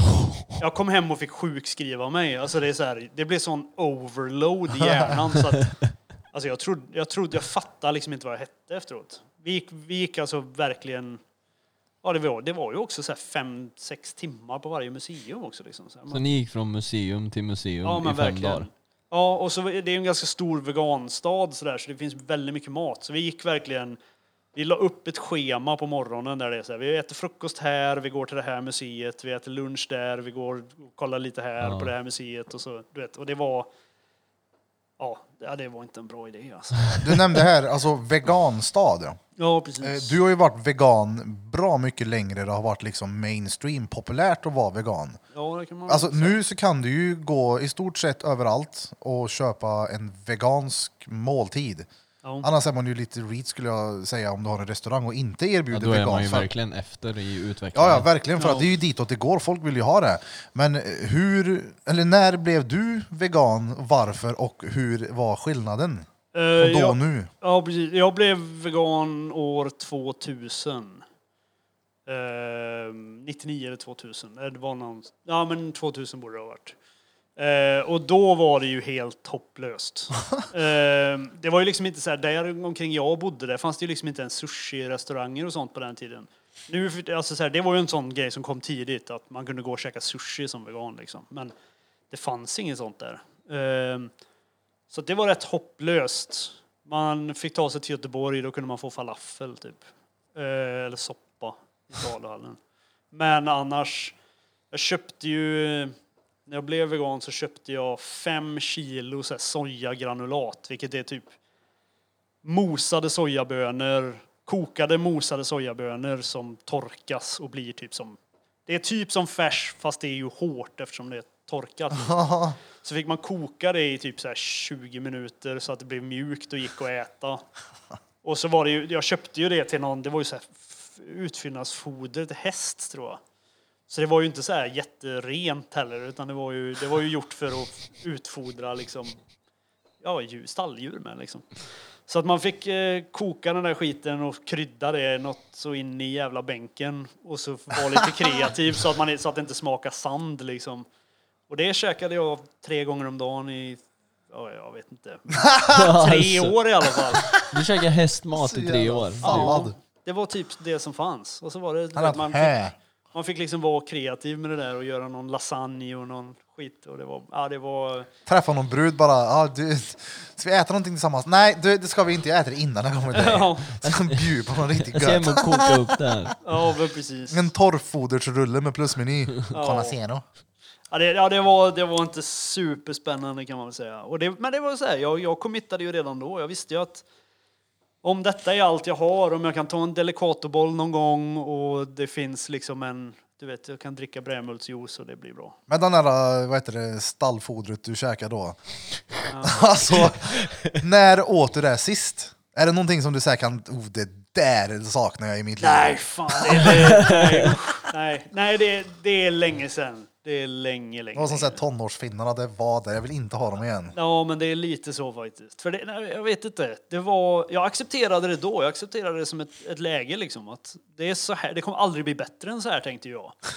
För att man är ju också lite, jag vet inte, bitter och, och trött på världen. Så jag tänkte ju att det är ju, världen kommer ju aldrig komma ikapp det här liksom. Världen kommer ju aldrig fatta att, att de ska göra mat till såna jävla drägg som mig. Men slog det dig aldrig att du kunde göra en linsgryta typ? Jo, men det gjorde man ju också. Ja. Men det var ändå så här. Det där var... Alltså du vet, på den tiden också, folk hade ju ingen aning. Så folk trodde ju att det enda proteinet som existerade var ju kött. Liksom. Ja. Så att... Ja, jag vet inte. Var, man, man levde på någon sorts superöverskott av protein bara för att man skulle vara säker på att man inte tynar bort. För man vill inte heller vara den där veganen som folk pekar på och säger Ja, du ser ju hur det gick för han. Men eh, vegan, du är också såhär straight edge. ja, precis. Eh, för de som inte vet vad det är, vad innebär det att vara straight edge? Eh, Emil på kanten. Ja, precis. Det är ju en, eh, vad ska man säga, totalt avsägande av... Det är egentligen en, en anti, antites till rock'n'roll-livet kan man säga. Det är så här, det var ju, grundas i, i hardcore punk och var någon sorts protest mot att alla bara skulle supa och knarka ihjäl sig så fort de, så fort de kunde helst. Um, så att det är ju att jag är helt nykter liksom. Jag dricker inte alkohol och tar ingen tobak och Ingenting sånt där. Inget knark och inga, ingenting sånt. Inget som beroendeframkallande egentligen. Ja, Okej, inte koffein heller då? Nej, precis. Åh fan. Därför, jag tänkte förut, jag sa så här, ska du ha kaffe? Jag var lite osäker på om du skulle ha det. Sen kommer han igen bara, kan du hämta kaffe? Eh, Ja. Gaffel! Vadå gaffel? Fattar ingenting vad fan du stod Ja, och snackade om. Så här, du kommunicerar med henne samtidigt som du sitter och gaddar. Var... Ja, och så hör jag ju ingenting också. Nej, du är ju döv på ena örat väl? Ja, precis. Är du helt döv? Ja, jag gjorde faktiskt ett hörseltest i veckan här nu. Och det var så här, nollvärde är väl bra hörsel, eller perfekt hörsel. Och 120 minus 120 är, då är man kliniskt döv. Ja. Och mina värden låg på 90, minus 90 på höger öra. Så att det är väl snudd på helt döv. då. Hur, eh, eller var föddes du med det? Eller? Nej, det är ju sömnbrist och stress. så det är ju det där med att jobba dygnet runt.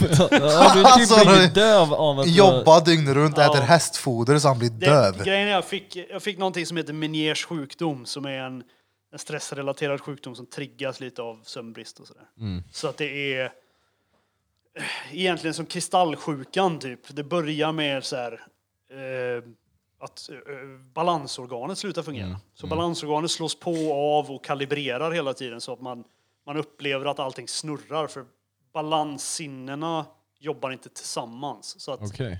det ena känner att fötterna är neråt och det andra känner att fötterna är uppåt eller åt höger eller vart som helst. Eh, så jag fick sådana anfall och det nöter ut hela hörselorganet och allting. Så till slut så blev jag döv helt enkelt. Åh fan. Ja, det var spännande. Så jag var, typ, Åh fan! så det var typ 28 eller 28 bast eller något med hörapparat. Ja, Det, alltså det är disciplin på en helt annan nivå. Ja, jag Det är sjukt alltså. Det hade så är, my- mycket disciplin så jag blev döv. ja, men alltså det är ju, det är ju så här, det är ju respekt samtidigt som det är så här, fan.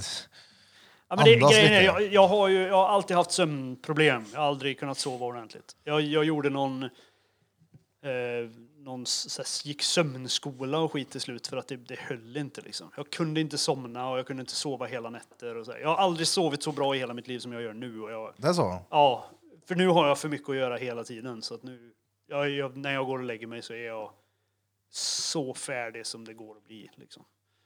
Eh, Men, men tidigare i livet, speciellt innan jag började greja med bilar och ha mer saker att göra om man säger, så var det ju... Jag sov alltid med skissblocket i sängen. För att jag visste att jag kommer vakna fem gånger och behöva rita för att annars kommer jag inte kunna somna om. Och sådär liksom. Så att- jävlar. Men jag- eh, alltså den här straight edge-grejen, Ja. kommer det på grund av att du har haft en eh, tidigare alltså bakgrund med alkohol och droger eller eh, hur Ja, kom du in på det? Det, det? Jag var ju alkoholberoende när jag var 15 år. Ja, okej. Och det är väl säkert, då fattade jag ju inte det, men det var ju säkert någon sorts självmedicinering just på grund av att så här, ha all den här rastlösheten som jag lever med fortfarande, men, men ingenting att göra av det i. Liksom. Jag hade inga hobbys, jag hade inget, gick i skolan liksom och hade, du vet, det funkar ju inte. Men rastlösheten, är det bara sån du är eller kommer det från något knas i barndomen? För det är också sån här typisk konstnärs gaddargrej. Alla har ju skit i bakgrunden alltså, i bagaget. Ja, jag- På något sätt någonting destruktivt, om det är familjen eller... Nej, nej det, skolan det, jag har en väldigt stabil familjebakgrund faktiskt. Ja. Utan det är bara superdamp och, och mild, bara mild autism. Liksom. Ja. Ja. Så jag, jag har ADHD med mild, milda autistiska drag. Så det blir ju så här, du vet, ADHD-sidan av mig startar projekt och autistsidan kan, måste slutföra dem för jag kan Ja. inte släppa taget om någonting. Typ. Så att, Men det är ju alltså, det är ju en jävla bra kombo. Det måste ju vara, jag kan tänka mig, de alltså, flesta som har, i, om man ska tänka så här, i egenföretagare eller som har tagit sig väldigt långt, är ju troligtvis som du. Eh, ja, alltså det är ju min teori i alla fall. Ja. Att så här, alla, alla sådär super snäva intresse, alltså så här, om du vet Einstein eller Stephen Hawking eller så här, någonting fel är det ju. Eller, så här, eller rätt om man nu vill. Någonting Det är ju rätt så- skulle ja, jag säga. precis. Ja, det är ju Och både det är och. så jag alltid har sett det. Att jag har ju sett det här som en superkraft för att så här, jag, jag tröttnar inte på grejer. När jag väl har låst, när jag väl har låst blicken vid målet så, så ska jag dit till varje pris. Liksom. Jag menar, jag har jobbat, jobbat dubbla jobb och byggt bil fem timmar per dygn minimum i så här, två års tid tills bilen är klar. Det ska bara bli färdigt. Man ska vara lite, eller inte lite, man ska vara sallad och... Ja, alltså man måste ju vara lite dum i huvudet för, att, för att lyckas. Alltså så här, ska man skapa sig en tillvaro där man inte...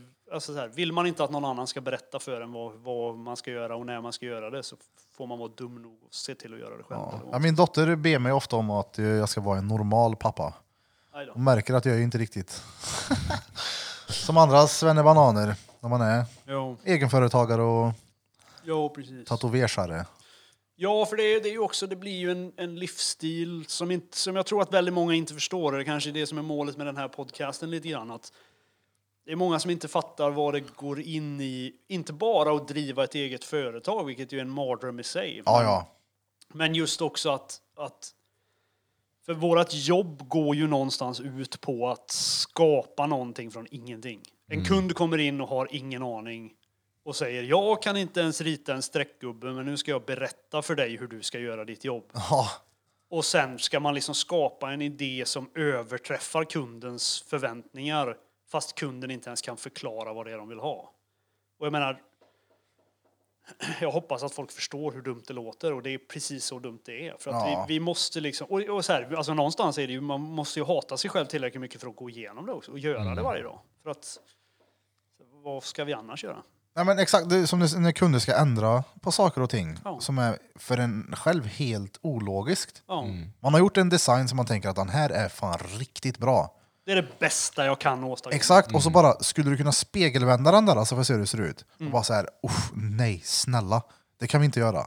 För det kommer ju inte se klokt ut. Nej, och, Och och det är sen ju- till slut så ja. gör man det för att det, det är så de vill ha det. Ja, precis. Och det, jag har varit med om sådana grejer som är eh, som jag in, inte ska berätta om, men det, jag har haft kunder som har ställt till med sådana mardrömsscenarion överallt för att de inte förstår alls hur en design fungerar. Liksom. Ja. Alltså att de, de förstår inte vad som är förgrund och bakgrund i ett motiv, eller de förstår inte alls vad det är som händer. Och, och i många fall kan det ju vara också att det är bristande kunskap från min sida, att jag inte har varit tydlig nog eller att vad det nu kunnat ha varit i den tiden av min karriär om man säger så. Men när man står och har gjort någonting eller designat någonting eller så här, och, och kunden verkligen bara är så här, nej men jag vill ha det sämre än så här. Kan du inte göra det sämre? Ja. Eller Kan du ännu inte värre, fucka upp hela tatueringen? alltså ännu värre när eh, sällskapet ska lägga sig i och Oh. ändra. Man bara säger, åh snälla kan inte du bara gå härifrån nu? Mm. Jo, för det märker man ju också när folk kommer in och har med sig typ en partner eller en kompis. Och när de har bokat tiden så är de jättesjälvsäkra och stabila som fan. Och när de kommer in med sin kompis Vad eller med sin tycker du? partner. Ja, Ja. precis. Så är det precis som att de inte har någon vilja alls. Ja. Jag ska bara kolla med min partner som bestämmer först, vänta lite. Ja, jag, jag har ju sagt flera gånger bara, lyssna inte på vad de andra säger. Det är du som ska ha den. Ja. Det är du som ska bära den här tatueringen. Det är inte din polare som sitter i soffan. Nej, precis. Om du Eller- vill ha det här, då ska du ha det här. Lyssna inte på vad din kompis eller partner säger. Exakt, Det- alltså, det är som, eh, alltså det jag tycker bäst om, eh, eller en av grejerna jag tycker bäst om, förutom som vi snackade om förut med färg, så är det ju alltså mina texter. Mm. Det är någonting som faller mig väldigt naturligt att rita text. Så är det någon som kommer hit som bara, ah, men du jag vill skriva Börje Björk, eller att säga, det var morfar, säg att de vill skriva det på insidan av armen. Mm. Så lägger jag, de tar ner armen, jag lägger ner en jävla massa tid på den. Bara vänta lite, jag ska bara gå och visa den för bruden först. Han bara okej, säg inte att du ändrar den här nu. Och så kommer de tillbaka och så bara, alltså vi hade nog tänkt nog lite mer så här, datastil. Man bara så här, mm, ja, Jo, men eh, exakt. Det kunde du inte ha sagt typ för två timmar sedan jag började rita den här. ja. Alltså, Men, men jag, jag har ju varit med om grejer där det mer eller mindre, om man ska ta och jämföra det med en text, där det Ja. verkligen är så här, ja men jag vill att det ska stå uh, Börje Björk och, och, så. Men jag vill att eh, det ska börja på S. ja. Bara, men det, det går ju inte. Bara, jo, men jag, det ska börja med S. Särjesärk blir det. Ja, men precis. Bara, men, så här, du måste förstå att jag inte kan ändra på det här på det här sättet för att Ja. Ja. det går inte. Jo, nej, men det, det, det är så jag vill ha det. Men det är så, alltså s- kunder, det är liksom så här, men det är bara att rita. Ja, Du jobbar ju med det, här, det är bara att rita. Man bara, fast mm, det är ju inte bara det. Jag har ju suttit med det här dretlänge. ja inte bara det, utan så här, jag har suttit med den här designen skitlänge, men jag har ju också ritat och jobbat med det här i en himla massa år för att kunna göra detta. För att det är ju samma, jag, jag pratade med min kund förut och jag hade ritat upp en, en pumpad dödskalle och han var så här, ja men hur lång tid tog det för dig att måla den? Och då hade jag gjort den liksom, jag satt och kladdade lite, kladdade lite färg på den och så har jag gjort hela designen på kanske 40 minuter eller någonting. Eh, men du vet, jag har gjort det i, i 16 år för att kunna göra den där på Ja. 40 minuter. Mm. Men Det, är inte Ja, det är det tog inte jävla 40 lång- minuter första gången. Nej, det är ju en jävla... Jag tror att det är där många inte ser, att det är en, det är en jävla lång bit till att kunna prestera på den nivån. Jo, Och kunna täppa in i det här att okej, nu ska jag, måste jag liksom göra det här. Och kunna gå in i det där mode hela tiden. ja. Det är ju det många inte ser. Det är ju så, ja men ta upp pennan och måla någonting. ja Vad kan du inte måla något fett? Ja. Ja, eller om det har varit liksom diskussion på att priset var för mycket kontra tiden. Bara, men det gick ju mycket snabbare än vi hade tänkt. Vi bokade fem timmar och det tog tre. Ja, men vill du sitta två timmar till menar du? Ja. Är inte det någonting bra att det gick fortare? Man blir Ja, klar snabbare. Ja, och grejen är också så här, ja, men har, du, har du sett tatueringen och du vet vad den kostar någon annanstans och du, du liksom, mitt pris känns rimligt. Har jag gjort den snabbare? Jag har fortfarande gjort samma jobb. Ja. Ja. Det är så här, om en står du, ska du räkna tiden för snickaren när han, bara när han slår i spiken? Eller så här, du får ju någonstans acceptera att jag lägger en himla massa jobb på det här som du inte kommer se. Det är inte så att man Därför- gnäller när man är hos tandläkaren att det tog för kort tid. Bara, Jag har två timmar till att ligga här. Ja. Gräver mig i mun med din lera. Ja men precis, och det är ju så, jag menar gör man en tatueringsdesign och den blir lite avancerad och man, man har jobbat med den en stund, säg att det, är- det är liksom lite som det här vi pratade om förut när vi, vi, jag vet inte om vi spelade in då, men det här med att man, ifall man torkar svart över gult när man tatuerar. Att så här, har, har du en tatuering som kommer ta 12 timmar att göra och du ska göra den i en sittning så är det nästan omöjligt att inte komma till läget där ja, jag missade en färg här. En färg som skulle vara mörk. Och jag har lagt någonting ljust bredvid. Lägger jag då den förberedande tiden och gör värdeskisser där det är liksom jag har till exempel då, om jag gör en, en tatuering på 12 timmar så brukar jag göra ett par olika skisser. Någon som bara är värdena, hur, vilket som ska vara mörkt och vilket ska vara ljust. Vilka färger jag ska ha. Någon med bara linjerna. Jag har liksom förberett allt det där. Och det kan ju spara mig på en 12 timmars tatuering. Det kan ju spara mig 3-4 timmar i arbete. För att jag vet, jag behöver aldrig tveka. Jag kan bara spola ur färgen och ta nästa och köra nonstop i 12 timmar. Så ifall jag sparar de tre timmarna för att jag gjorde de tre timmarnas arbete innan så tycker kunden att de inte ska betala för det. Då blir det Ja. på något vis här, vill du hellre då att jag bara gör så att du har skitont i 15 timmar istället? Ja. Så, så kan jag göra det. Så här, det är inte, inte mig emot liksom. Jag kan ta mer pengar av dig och, och inte jobba på så här, min lediga kväll när jag har du vet, jag och min son sitter och lyssnar på social distortion här och kollar på bilvideos på Youtube liksom. Jag kan gärna inte jobba då och ta mer betalt av dig eller plåga dig lite längre. Det skiter Ja, ja. jag i liksom. Men jag har gjort allt det där jobbet för, för kundens skull. Och, då, Exakt. och, och det, är, det är också det som är så här, jag vet inte. Det, det är svårt att hitta en balans i så här, hur mycket ska jag ta betalt för en tatuering? För det är lite som att fråga hur långt ett snöre är liksom. Ja, men det är exakt. Man brukar säga det. Vad kostar en tatuering? Ja. Hur långt är det där jävla snöre? Ja. För att nå, någonstans är det, och det, det är ju så, det är mycket som pågår bakom kulisserna som, som inte bara egentligen kunder inte vet om, men som jag upplever att många tatuerare inte ens vet om. Liksom. Alltså det känns som att det är många gånger jag har varit på mässor eller jag har varit på, på sådär och, ma- och jag känner liksom att de här människorna vet inte vad som krävs. De kommer fram och pratar med mig och säger Åh, jag har följt dig så himla länge och du är så himla duktig och så här. Hur gör du? Jo, nej, men när du går till strippklubben på lördagskvällen och super dig skitfull så, så går jag till hotellet och ritar. Ja. Det är så jag gör det. Liksom. Jag, jag är inte ute och festar hela natten. Jag menar, jag, när jag var i Miami och jobbade med ja, Timmy B och Kelly Doty och de var ju där den, på den mässan till exempel. Och det var de som vi pratade om förut. Och då, alla vi liksom nördiga sådär, mobbade barn satt ute i lobbyn på hotellet Ja. och ritade i, i grupp. Liksom. Vi var typ 12 pers. Ja, Tony Ciovaro som du nämnde var där också. Ja, jävlar. Och vi, vi satt där och ritade och pratade och bytte tips med varann och, och liksom hjälpte varann med allting och så här. Och, och så stack alla de coola kidsen iväg på klubbar och strippklubbar och så här. Och jag, Alltså de här som du säger, de här coola kidsen. Jag tror många alltså, som har börjat tatuera på sen några år tillbaka. Det är mycket mer av de coola kidsen nu.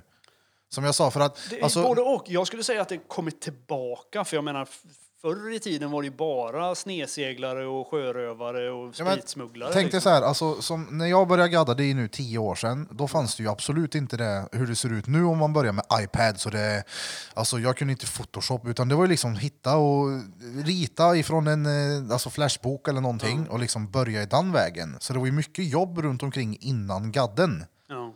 Nu, om man gör på det här sättet som jag säger för att vara så effektiv som möjligt, då blir det ju att folk, ja men skitsamma, jag har ändå, jag gör det fem minuter innan kunden kommer imorgon. Jag kan ta 400 öl ikväll. Det har man ju sett många gör. Ja, ja, och sen, sen känns det som att nu har ju jag inte gjort det här as länge men ändå ett Hur länge har du gaddat nu? sex år i juli Mm. går jag in på. Eh, så jag är väl ändå så här relativt ny i branschen men ändå ett par år in. Och jag ser ju nu också att så här, folk som börjar nu vet typ inte vad en coilmaskin är. Nej. Nej, så är det ju definitivt. Och bara säga, vad är det? Men det- Det är ju liksom... Jag, jag fick ju Det, till för mig mig, är det lite så här ofattbart Ja. bara. Jag fick ju till mig av eh, Mattias Lundberg, som sagt på Lund, Lundberg Customs. Eh, han pratade ju på att det var någon som hade hört av sig till honom och eh, så här, frågat ifall han hade en lånemaskin. För att hans, hans maskin hade slutat fungera. Och han ville ha en lånemaskin för att han kunde ju inte jobba. En lånemaskin. Alltså hade jag Ja, sagt och så Lund, till, Lundberg var liksom så här, men du har väl fler än en tatueringsmaskin? Nej. hade jag sagt så till Keith som lärde mig, då hade han kört upp en maskin i röven på mig. Ja, ja. visst. Eller kastat den i huvudet Ja, på dig. ja, rätt mellan Med ögat. all, med all rätt också. Ja, ja. För att det är så här, det är ditt levebröd. Ja. Så här, liksom, vad, vad fan tror du? Har du Mm. en, en grej som kan gå sönder? Jag, jag skulle kunna gå in här och bygga en tatueringsmaskin av eran dator och göra en tatuering med Ja, men, den. Liksom. Ja, alltså, lite hur? så har jag också gjort genom, alltså jag är ingen sån här att, jag skulle inte kunna bygga en maskin sådär. Jag har gjort det men jag är värdelös på det. Jag och maskiner, det är inte riktigt... Eh, ja men det Nej, jag, jag, jag har inte fördjupat mig i maskiner, men jag förstår hur de funkar, så jag kan nog pilla ihop det. Ja, ja, men jag, däremot jag, så har, kan jag har tillräckligt med skit i min verkstad för att bygga en maskin från scratch. Ja, alltså Ja. jag skulle kunna sätta mig med dina grejer nu Ja. och, och gadda. Och jag skulle kunna sätta mig med dina grejer och gadda. Ja, ja. Och sen Örns grejer och sen Jobus, för det har alltid varit... Eh, jag är väldigt bred i vad jag sysslar med. Jo, det var, det var ju så jag blev upplärd och det var så jag började. Som sagt, jag, jag började ju med att bygga om maskinen för att göra linjer. För att om Ja. jag har 8 volt att köra på, hur ska jag göra för att maskinen ska göra linjer på 8 volt? Ja. Och sen fick jag bygga om samma maskin för att göra skuggor. så, här, så att, och min teori, eller min, så här, min hjärna kopplade det ju som att ja, men maskin, nålen ska gå upp och ner. Det är det den ska göra. Så här. Hastigheten och djupet och allt sånt där, det sitter bara i... Muskel... Ja, men precis. Det sitter i hand, händerna ja. nästan. Liksom. Så att någonstans så blev det för mig att jag, jag kan jag inte jobba med vad som helst, när som helst, hur som helst, då kan jag inte jobba. Då, Ja, då är det ju omständigheterna som styr mig, inte jag som styr ja omständigheterna. jag, liksom. alltså mitt lärlingskap var ju lite av ett skämt också. Ja. Eh, eller också, men eh, när jag började då var det ju så här, ja men jag körde med en maskin. Ja. Och jag kände ju direkt efter bara typ ett halvår att bara, jag måste ha fler maskiner. Både för att den kan gå sönder och jag vill inte måla in mig själv i ett hörn. Nej. Där jag inte känner mig bekväm med att okej, jag kanske måste använda en annan maskin, maskin idag. Maskin. jo men att, och nu har det ju gått att fan jag vill ju bara ha fler och fler och fler och testa nya och liksom leka omkring med maskiner också för det är ju skitkul också att ha. Så är det. Jag, jag gick ju åt andra hållet. Jag, blev Ja. ju, så här, jag breddade mig först och köpte mer och mer maskiner. Och sen var jag liksom så här, ja, men hittar jag en grej som funkar, Ja, då, då vill jag bara ha. Jag vill ha samma maskin oavsett vilken i mitt, i mitt case jag plockar upp så ska Ja. den göra exakt samma jävla jobb varenda gång. du ska blunda, plocka upp en och det är samma. Ja, precis. Och då, då, då lärde jag mig istället att dra linjer, göra jämna skuggor, packa färg, du vet, dra linjer oavsett om det är feta eller tunna eller vad som helst. Jag ska kunna göra allt jobb med samma maskin. Mm. Det spelar ingen roll hur maskinen går, hur långt slaget är, hur så här, jag ska lära mig efter maskinen, inte tvärtom. Eller förstår du vad jag menar? mm, Att så här, för det, det, blir, det blir farligt i det där som vi, ja, som vi har pratat om nu, liksom att när man, när man målar in sig i ett hörn där det är så här, jag måste ha exakt det här. Om jag tappar min maskin i golvet och en skruv vrider på sig så kan jag inte tatuera längre. Det är ju helt livsfarligt. Det, det här betalar våra räkningar. Det här är liksom försäkringen för att jag ska kunna sätta mat på bordet åt min son. Det är liksom allting som händer i mitt i hela min värld är baserat på att jag ska kunna gå och jobba. Ifall jag är beroende av en sån så här löjlig liten grej som att min maskin kan ställa om sig i väskan när jag åker till en mässa och jag inte kan fixa det, då, då har jag ju så här, alltså då har man ju skitit i det blå skåpet på riktigt liksom. För att då är jag ju 100% beroende av verktygen. Mm. Liksom. Det känns som att en maskin som så här, men har- känns lite som att ha blivit en startmaskin för många lärlingar. Som känns som att man lätt målar in sig i det hörnet och det är ju Cheyenne-maskinerna. Håkan. Ja. Ja. Därför, därför är det Det, lätt att det, köra det är med ju det. som en iPad. Alltså man, Ja. Det är bara så här, du låser dig till det. Alltså, Exakt, det alltså- är liksom så här, du kan inte Ja. använda någonting annat till den. För allting är liksom för den bara och det blir vad de kör med. Alltså jag har ju haft, eh, alltså Jobe då, här på studion. Han är ju min, min enda lärling. Så som, eh, eh, ja alltså, det jag ska komma till vad, han har ju varit noga med att, med en gång, det var liksom börja med coilmaskiner. Mm. Och det var på den vägen och det är ju, Men han kör ju coilen idag. ja han kör det än idag. Och det, alltså, han hade ju inte varit där om han hade sött och börjat med s- Cheyenne-grejer och... Nej. Alltså, Och han har ju grejen är blivit så här- otroligt duktig på Oh ja. kort tid också. Oh ja. Jobtattoos.jtts JTTS. på Instagram. Ja, alltså, ja, jag kan tycka att ha bredd i vad man arbetar med och att förstå. Det är egentligen någonting jag har pratat väldigt mycket om med min far. Det är det här att förstå funktionen på någonting. Inte så här, inte förstå eh, så här, att det fungerar, utan förstå hur det fungerar på något vis. Och det, det, det går med mig i allting jag gör egentligen. Det är ju så här, samma som jag- om jag bygger bilar. Jag vill inte lära mig hur jag bygger om en bil. Jag vill lära mig hur en bil fungerar och därför kunna ändra på det. Ja. För att jag vet hur allting fungerar. Mm. Och det är samma med det här med maskiner. Alltså, för vet du hur allting fungerar så är inte verktyget det viktiga. Och jag, jag tror jag pratade med detta och gjorde en, annan, eh, så här, en jämförelse med att spela trummor. Att så här, många trummisar de lär sig ju om jag ska slå det här slaget med höger hand och det här slaget med vänster hand. Och så lägger de upp alla, alla rytmer med om du vet, höger, höger, vänster, höger, höger, vänster eller whatever liksom. Mm. Men ifall du lär dig vilken... Höger, vänster, höger. Ja, men Vänster, ifall, höger, ifall du vänster. lär dig vilken trumma du ska slå vid vilken tidpunkt istället. Alltså så här, funktionen på trumtakten. Så Mm. du kan slå slaget med vilken hand som helst, bara slaget hamnar på rätt ställe vid rätt tid. Mm. Så har du ju liksom en helt annan, det är en helt annan värld öppnar sig. Du har ju möjligheter att, att leka med det där hur mycket som helst och utveckla det där hur mycket som helst. Emil Edge, a.k.a. Michael Schofield. Ja. Bara öppnar sig. Jag tänkte, vi har suttit ett tag. Eh, Det hade varit jävligt skönt att bara ta en liten bensträckare. Ja. Så fortsätter vi en liten stund.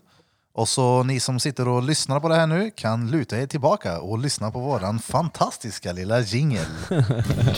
Jeep, jeep, jeep, jeep, jeep. Det här är Drottninggatan Podcast.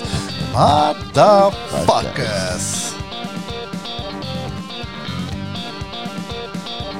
We are back efter en liten bensträckare då Kevin abrupt behövde en cigarett. Säger man så? Abrupt? Abrupt. Ab, jag har aldrig använt det innan. Nej. Abrupt. Jag, jag tror det är korrekt använt. Ja, det var det. Jag tror det. Oh, ja. Jag, menar, jag gick fucking inte hell. klart skolan så jag ska inte säga för Det mycket. Men... inte jag heller. Det gjorde jag. Jag är den enda som har gått färdigt skolan här inne. Fy fan. Ja men det är fett. Du, Emil. Ja. Eh, du ska få en fråga här som du har fått ett x antal gånger. Jag och Kevin också. Mm. Det är, vad är det konstigaste du har tatuerat? Ja, jag pratade faktiskt med detta, eller om detta med min kund förut.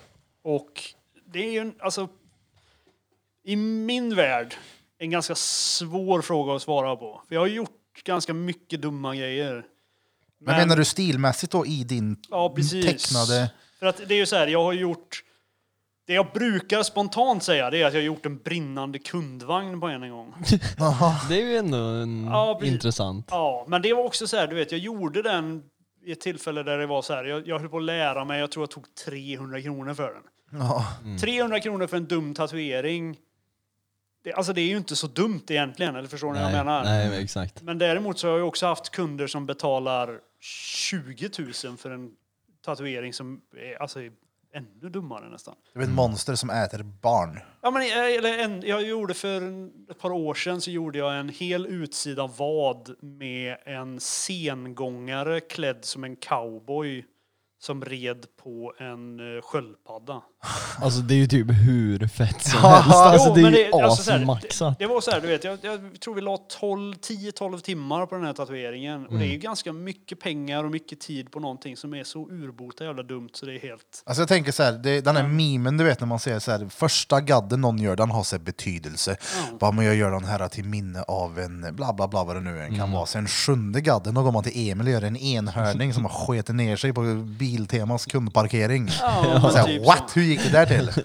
Ja, Ja, det, där är det ju verkligen så här, ju mer, lite så här, ju mer gaddar du har, desto mer obrydd blir man. Eller mer så här öppen för att göra lite konstigare grejer. Jo, lite så är det ju. Men det, det kräv, det är, även där krävs ju ett speciellt typ av mindset har jag Mm. upplevt. Att så här, folk, folk måste på något vis komma till ett läge där de inte tar livet så superseriöst. Mm. Den här kunden kom ju till mig, han är tatuerare också Mm. eh, och jobbar i Uddevalla eh, på Studio 73. Marcus heter han. Marcus Pong tror jag han heter efter Eh, han kom ju till mig och var mer eller mindre så här, jag vill ha någonting dumt. Vad är det dummaste du kan komma på? Typ. Och då var jag så här, ja men vad, vad behöver vara snabbt?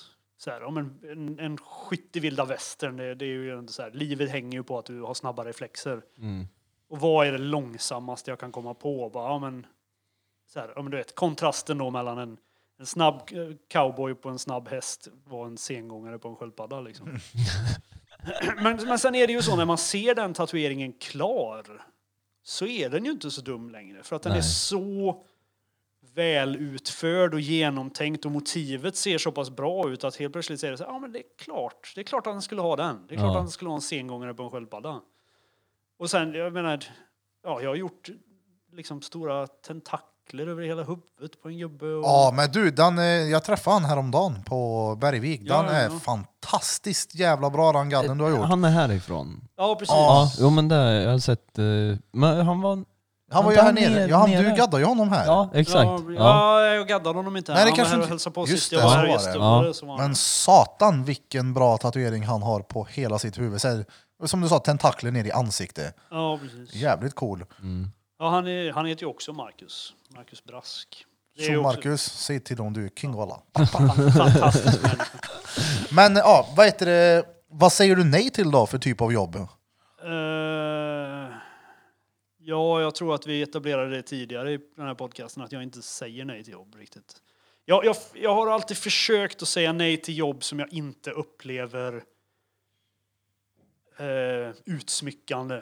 Alltså så här, ifall jag fuckar upp någons face med, du vet, att någon vill ha någon dum skit i ansiktet eller så här, då brukar jag säga nej. Eller så här, Ja, men, eh, If, ifall någon kommer in och vill ha... eller först- någon- Ja, men, ja, precis. Eller bara om jag upp, upplever att det inte förbättrar utseendet på personen. Eller förstår Mm. du? Men hur ställer du dig, för det ställer sig ju väldigt mycket gaddare olika till.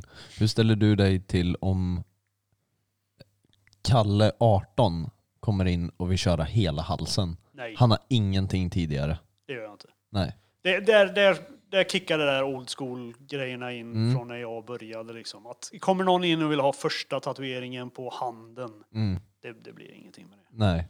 Eh, jag tycker att har du, inte, har du inte tillräckligt med tatueringar för att fatta hur mycket du förstör ditt liv, eller Mm. så här, inte, eller ja, Inte f- inte, förstör nej, men, men, precis, ja. nej, men just hur mycket det påverkar för att folk ser på dig på ett annat sätt när du har skit i ansiktet eller på halsen eller händerna. Exakt, plus att det känns oprofessionellt tycker jag att sätta en eh, första på handen eller hals, ansikte eller huvud på en, Ja. ett barn. Mm. Jag menar när du är 18, liksom, vad fan. Det, för jag tycker du bär ju ett ansvar som tatuerare. Ja, det det tycker med. det ska ju väga mer än de snabba pengarna du får in på det. Ja, annars har du ju inte tillräckligt med kunder då uppenbarligen. Så att- Exakt.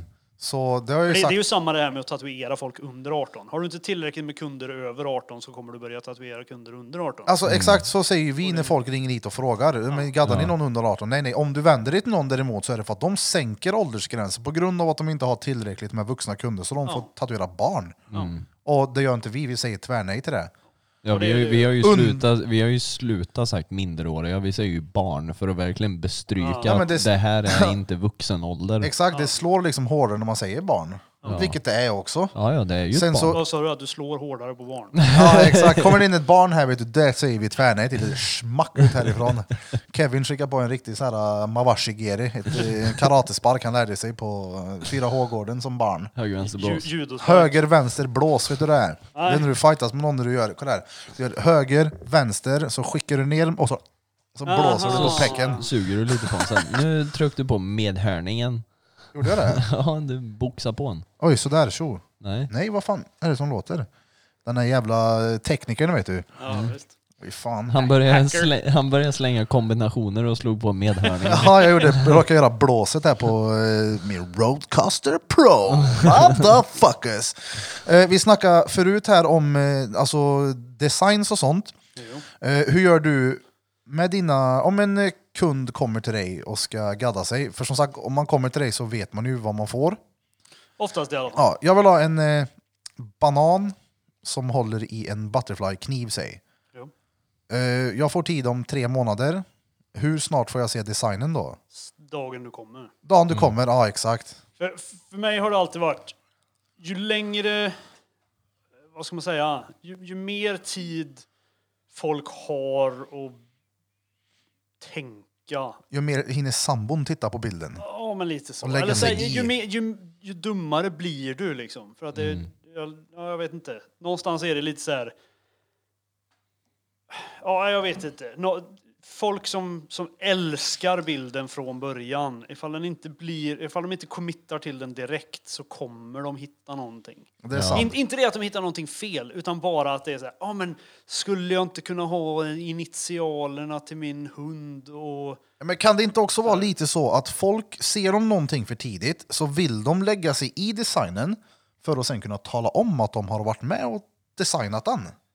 Det vet Förstår vad jag menar? Ja, det är så länge sedan jag gav en kund en bild förväg. Ja men förstår du hur jag tänker? Ja, jag förstår. Nu, ju- alltså, så som du sa, det tycker jag är helt korrekt också. För att tidigare har man gjort att man har visat någonting för tidigt och det ska ändras. Jo, men grejen är också så här, det, det glömde jag säga och nu avbröt jag dig. Det är men- lugnt.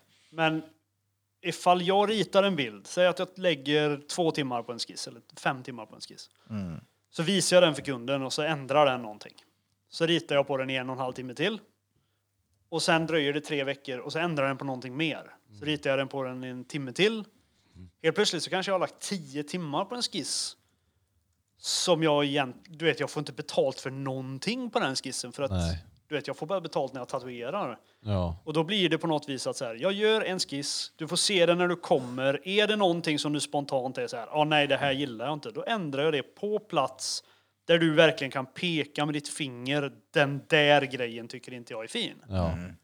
Och då, så här, då kan vi ändra på det, det är inga problem. Jag kan så här, ändra om i stort sett vad som helst i en tatuering på ett, ett par minuter och då tar det ett par minuter extra jobb. Ja. Det tar inte fem timmar extra jobb. Exakt. För mig är det väldigt viktigt det där med att jag behöver verkligen ha tillit ifrån kunden. Ja. Får jag det där att litar du inte på mig så det, men det var ett samarbete, det går inte. Ska de Nej, ändra precis. små detaljer så här, som du sa. eh, Jag gör också så, men, men tala om för mig exakt vad du vill att jag ska göra. Ja. men kan du sätta den där istället? Eller jag vet inte. Ja, men nu är du väldigt, väldigt osäker, vilket gör att jag blir osäker på det här och du Ja. kommer ju inte gilla det här sen. Vi skiter i det istället. Jo, för det, det är ju samma när någon, när någon Jaha, kommer in och är så här, "Ja, jag, vill ha, jag vill ha en röd ros. Jag vill absolut inte ha något rosa i den. Och så är man så här, ja, men om jag ska fejda en, en röd till en highlight så behöver jag ha rosa. Är du så anti-rosa, liksom, tror du att det kommer växa ut en penis i pannan på dig? Bara för att du eller du vet, förstår du? Jag, jag, jag, vad är du så rädd för att det ska vara rosa i den här grejen? Och då blir s- som du säger att Ja, då, blir jag så, då blir jag osäker på vad kunden faktiskt menar. Vill han inte att rosen ska se rosa ut? Eller får det inte vara något rosa i den? Det är liksom, för det är ju ändå två ganska distinkta Och då blir din eh, liksom. damphjärna lite sådär, jag får inte lägga rosa nu jävlar ska jag visa hur jag kan Ja, lägga rosa i den här. också faktiskt. Att jag blir så här, jag ska minsann visa dig att du kommer fatta att det är rosa i den här. Exakt, du kommer bli tvärnöjd oavsett Eh. om allt är bara rosa. Ja, men precis. Och det, sånt där är ju, har man inte tillit från kunden så kan man ju bli, alltså då blir hela dagen förstörd. Ja, ja, Ja. gud ja. Så att det, är- ja, ja, ja, ja, ja. Ja, man kan få den där, ja fast du, du vet ju bäst. Och så har de velat ändra någonting, så bara ja men du, du vet ju bäst. Alltså de säger det Ja. till en. Så bara ja, jag vet ju bäst, det är därför jag har gjort designen på det här sättet. så varför vill du ändra någonting? Ja. Om du säger att jag vet bäst. Och det var ju som jag sa förut, när, när en kund kommer in och säger Ja, jag kan inte ens rita en streckgubbe, men nu ska jag berätta för dig hur du ska Mm. göra ditt jobb. Mm. Att det är så här, logiken bakom det är liksom så här, ja men... Okej. Jag säger ju inte till min tandläkare hur han gör jobbet. Nej, men precis. Eller så här, ja men nu när ni ska ta ut, eh, operera bort den här blindtarmen på mig nu, nu ska ni ta och gå in genom rövhålet. För att annars så blir det inte bra. Så. Det här jag, jag, vill- jag vill inte ha ett R på magen. Nej, allt på sjukhuset heter Jag- att det ska gå via rövhålet. jag brukar ju tänka lite, det här kanske är fel av mig att tänka, men jag tänker ju lite på att de som vill gå in och peta väldigt mycket i en design är ju de som har spenderat för många minuter på att kolla på Inkmaster. Ja, kanske. Men det är ju också en hel generation av kunder som är, har Inkmaster som enda... Referenspunkt. Ja, precis. Det är liksom. det enda de vet om tatuering. Men det är det- vad som händer på Inkmaster. Det, det är ju det tvn har gjort. Det ska ju vara väldigt Ja. mycket så, här bakgrundshistoria om varför man har tatueringen. Ja, och så ska tatuerare vara så jävla häftiga också. Ja, och det vet man ja. ju hur häftiga, eller hur häftig jag är framförallt. Jag är ju typ den töntigaste jäveln som finns. Ja, men det, det snackade vi om förut det här med, alltså, att vi, det är många gånger nu på senare där jag har hört att folk tror att vi är kriminella. Mm. Alltså så här, på bilder och sånt på oss. Ja, Men vi, de är tatuerade i ansiktet, de har guldtänder och de har det och det. det är så här, alltså shit vilken jävla konstig bild folk får av stans största jävla töntar. Vi sitter Ja. och ritar blommor på dagarna. Ja, Ja. precis. Läs, Va- va- Läser serietidningar och tittar på Ja, tecknat. men som Ja. du sa förut, de här gaddarna, vissa går iväg och super och lever rockstjärnor, andra sitter och ritar. Liksom. Jag ligger under min Galaxy-lampa hemma och gör andningsövningar på kvällarna efter jag varit och tagit kalldopp på Skutberget. Hur jävla gangster är det? Ja, jag har ju inrett min lägenhet som att jag bara tycker om att klappa katter och när jag är hemma så kollar jag på anime. Nej, alltså du jag har- gör ju ingenting coolt. Örn hade bästa beskrivningen på du, hur du har inrett din lägenhet. Du har inrett din lägenhet som en, vad sa han? En, Medelålders man som har tappat all nej, hopp om sex. nej, som en medelålders man som har lagt ner sitt sexliv. På tal om sexliv, eh, vi snackade ju tidigare här förut skillnaden mellan er två, det här med, när vi snackade förut i pausen med om att eh, folk får en liten djupare bild av och kanske lära känna en när man sitter och snackar så här. Och, Mm. menar, Emil Edge har varit en bild i en tidning eller en bild på Instagram. Och det var ju ro- intressant eh, skillnaden, speciellt mellan er två där, som du sa med tidningen där. Ja, precis. Jo, för när, när, jag blev, när jag började tatuera så var ju produkten allt. Du skulle ha ett, en stabil portfolio som skulle berätta allt om dig själv. Du skulle vara osynlig. Du var liksom, det var aldrig snack om att man på något vis skulle visa upp sig. Jag har ju tackat nej till tidningsartiklar och sånt bara för att de ville ha bild på mig i tidningen. Liksom. För att Ja. det där var liksom, det var på något vis nästan någonting fult att vilja vara känd. Eller förstår du? Att vilja vara... Ha ett ansikte bakom tatueringarna Exakt. äh, utan att bara så att tatueringarna ska Ja. göra sitt jobb. Namnet, namnet ska folk känna till och veta hur mina tatueringar ser ut. Mm. Men jag vill absolut inte att någon ska veta. jag- Jag, fick ju nojan, just den här mässan som jag pratade om förut i Miami. När jag flög dit så stannade folk mig i korridorerna och ville ta kort ihop med mig. Och jag fick ju spelet, för jag var ju så här, men hur fan vet ni vem jag är? Mm. Jag har aldrig varit här, jag har aldrig liksom... Men det är klart, jag hade ju varit med i några tidningar då, så att det var väl därför. Men det var ju liksom ändå så här... Ja, jag vet inte, det var, det var liksom någonting smutsigt över och... För det var, det var precis som att om du ska försöka låtsas vara bättre än vad du är, eller du ska försöka vara någon sorts rockstjärna och synas och så här. Och i, idag är det ju... Det är ju verkligen helt Idag tvärtom, är det ju Kevin. raka motsatsen. Ja. Alltså, alltså för mig och väldigt många andra som har börjat samma tidpunkt som jag har börjat tatuera. Ja men inte bara där, för du, det, Kevin är ju känd här i stan som snygg-Kevin. Jag menar så är det ju. Jo, jo, jag, Jag menar, jag har ju Kolla här, om det är någon person som det haglar framskärd på, då är det ju Kevin. Det är så. Ja, ja, hundra procent så är Slå det. bort dem med en lång pinne. Jag menar, det är, det är så här, du, du kan inte ta bort den jävla Tinder-appen, du kan inte matcha med någon som Kevin inte har matchat med. Nära skämt åsido, men för dig är det ju tvärtom där du verkligen kan så här, använda ditt anlete till att Ja. fånga in kunder. Jo, alltså jag, jag vet ju... Alltså jag, jag, jag ser ut på ett speciellt sätt och som tilltalar väldigt många, vilket är sjukt kul. Jätteroligt. Men jag vet ju att om jag lägger ut en bild på en tatuering som jag har gjort, som jag är tvärnöjd med och liksom, det showcasear mitt jobb. Men jag vet att jag kan dra in så mycket mer kunder på att lägga ut en bild på mig själv som är helt orelaterad till någon form av jobb. Det kan bara vara en selfie liksom. Och det vet jag drar asmycket jobb också. Och hur man så här, kontrasterna var Ja, med att vara visst. osynlig när du började gadda, eller när du gaddade förr. Ja, precis. Alltså, grejen, är, grejen är att det, jag menar, det kan ju mycket väl hända att det handlar om mina psykiska problem också. Va? För att jag, jag vet ju att jag fick ju ett, ett fullständigt bryt någon gång när en kompis till mig la upp en bild som jag var med på. på så här, jag, var, jag vet inte ens om jag var taggad i bilden, liksom, men la upp det på Facebook eller någonting. Och jag blev helt så här, nej, nej, fan, det, kan inte, du vet, det finns inte bilder på mig på internet, det kan du inte göra. Så att, du vet, jag vet inte, det kanske är lite av mina egna problem också va, men, men, men som sagt, alltså jag menar... Bara lite. Ja, precis. Jag är ju ganska normal annars. Det är en som äter några jävla talgbollar i något skjul. Ja. Men du bra? Jag sen, sen precis ser, jag blivit döv. som, ser jag ju snudd ut som Gollum som sitter där och äter rå fisk också, jag på att säga. Men nej, jag vet inte. Men det, det var, ja, det, det är som vi sa förut, att det, det är ju en ganska, ganska väsentlig skillnad. För att för mig var det alltid, det var alltid på något vis något fult med att för det, det kändes som att man försökte vara en rockstjärna ifall man försökte skapa, så här, binda sin produkt vid sitt utseende. Ja, jag Chris Lighthouse har ju pratat lite om det här. Att han har ju sagt till mig att du behöver ju inte bara sälja tatueringen som en produkt. Utan du kan ju sälja hela upplevelsen Ja. för att du har, du kan både bringa fram bra, bra tatueringar men du kan också liksom spela lite på hur du ser ut. Så han Ja, bara säger, du kan ju sälja en upplevelse helt och hållet.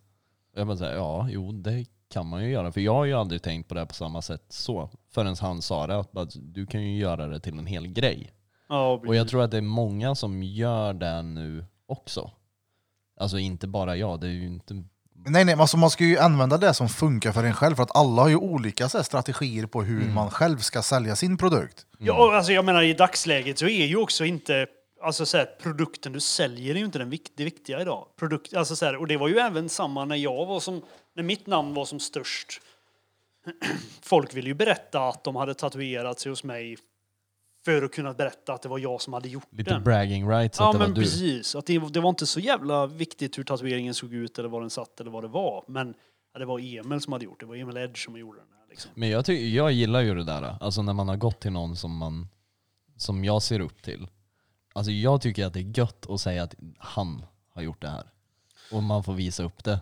Ja, precis. Och jag, och jag menar, det, ja, jag kan väl förstå det också i och för sig. Men det, det, har ju, det känns som att det har, f- det har försvunnit bort från att vara den där snubben som folk vet är duktiga.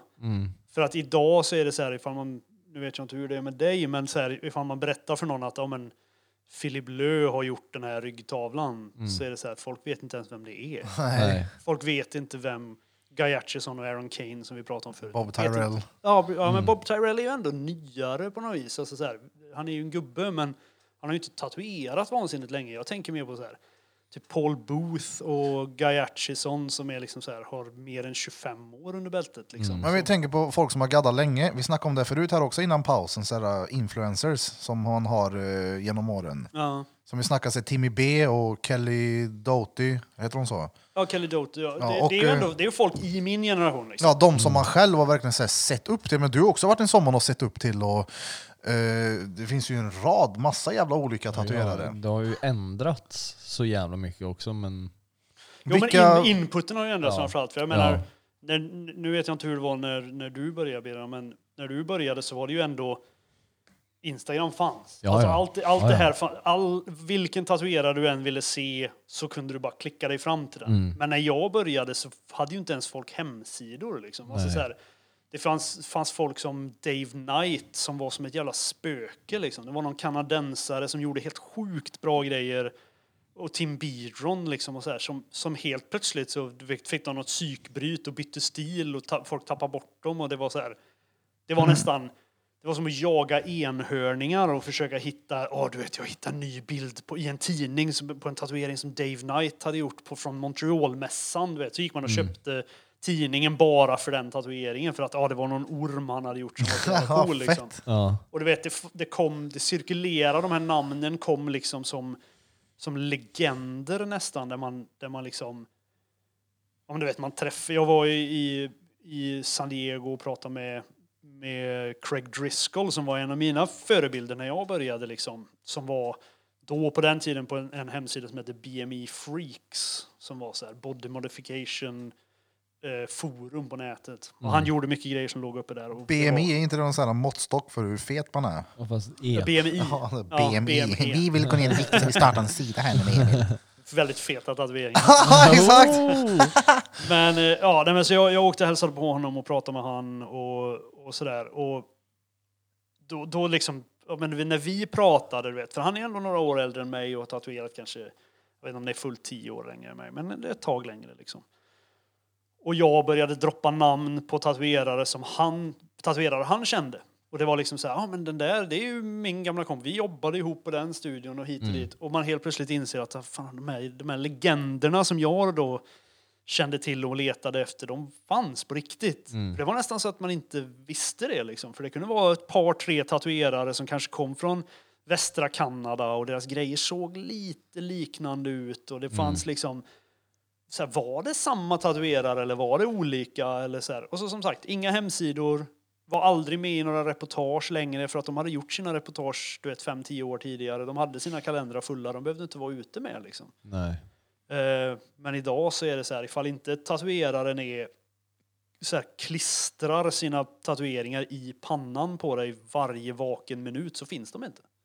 Ja, ja, man försvinner ju direkt då. Ja, och det var ju det som hände med mig. Jag menar, jag hade ändå ett ganska gott rykte och ganska mycket att göra och, och så här, ganska gott, alltså gott anseende, eller hur man ska säga, bland folk. Även om jag var en otrevlig jävel så var det ändå... Folk visste vem jag var och visste att jag ansträngde mig och gjorde bra jobb. Men så fort Instagram blev liksom hur man marknadsförde sig Mm.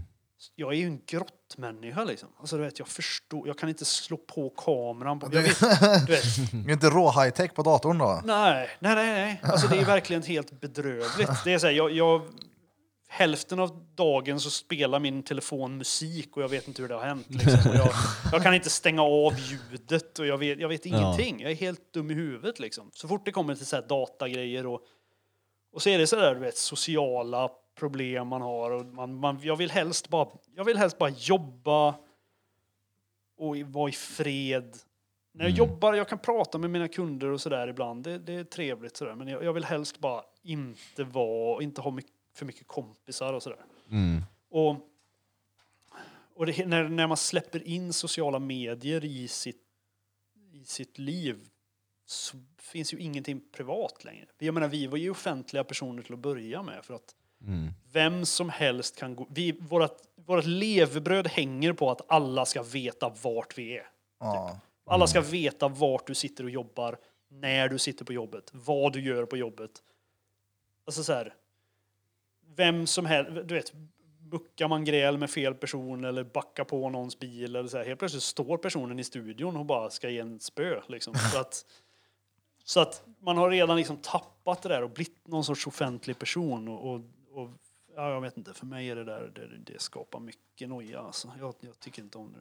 Jag vet precis, jag vet vad du menar. Jag har ju varit där, alltså förr var jag verkligen sån, jag hatade allt det här med Instagram och jag hatade att synas för mycket och visa för mycket av sig själv. Och, tills eh, vi startade podden. Mm. Där ändrades någonting för mig. För det blev, då fick jag liksom, vad ska man säga, Känns som eh, du fick utlopp för ja, någonting. men man, ja, man fick liksom så här, tala om lite mer ja, men bakom hur saker och ting har sett ut och få prata mer om det. För det har också varit den där hemliga, man inte visa bilder på sig själv utan det bara varit det där. Och för mig var det skönt, jag älskar ju den här grejen i poddprylen, tycker det är fantastiskt roligt. Jag vill göra mer av det. det Mm.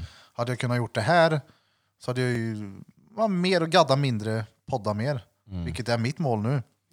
Ja, för detta är ju det första sån här typ av grej jag gör någonsin. Liksom. Och det Jag faller ju väldigt naturligt för dig. Det har ju flöt på fantastiskt bra nu när vi har suttit och snackat här. Det Oh, ska ja. bli jävligt Men det- intressant att höra. Det, det, det är ju sådär, jag är, eftersom jag är så jävla nördig så är det ju, pratar man bara om grejer jag tycker är intressant så kan jag prata hur länge som helst. Ja. Ja, och det är ju... vi har ju tre tatuerare här. Ja. Det är ju jävligt enkelt att prata om sådana grejer. Ja, men det, det var det jag tänkte förut när jag snackade med, när jag ringde dig och frågade, fan var med sen och spela in när vi kör med Emil för att det flyter på så jävla enkelt. För att vi gjorde ju, jag och Örn, kollegan Erik Örnström spelade in ett avsnitt. Och det var så här, fan jag är inte nöjd med det här. Då.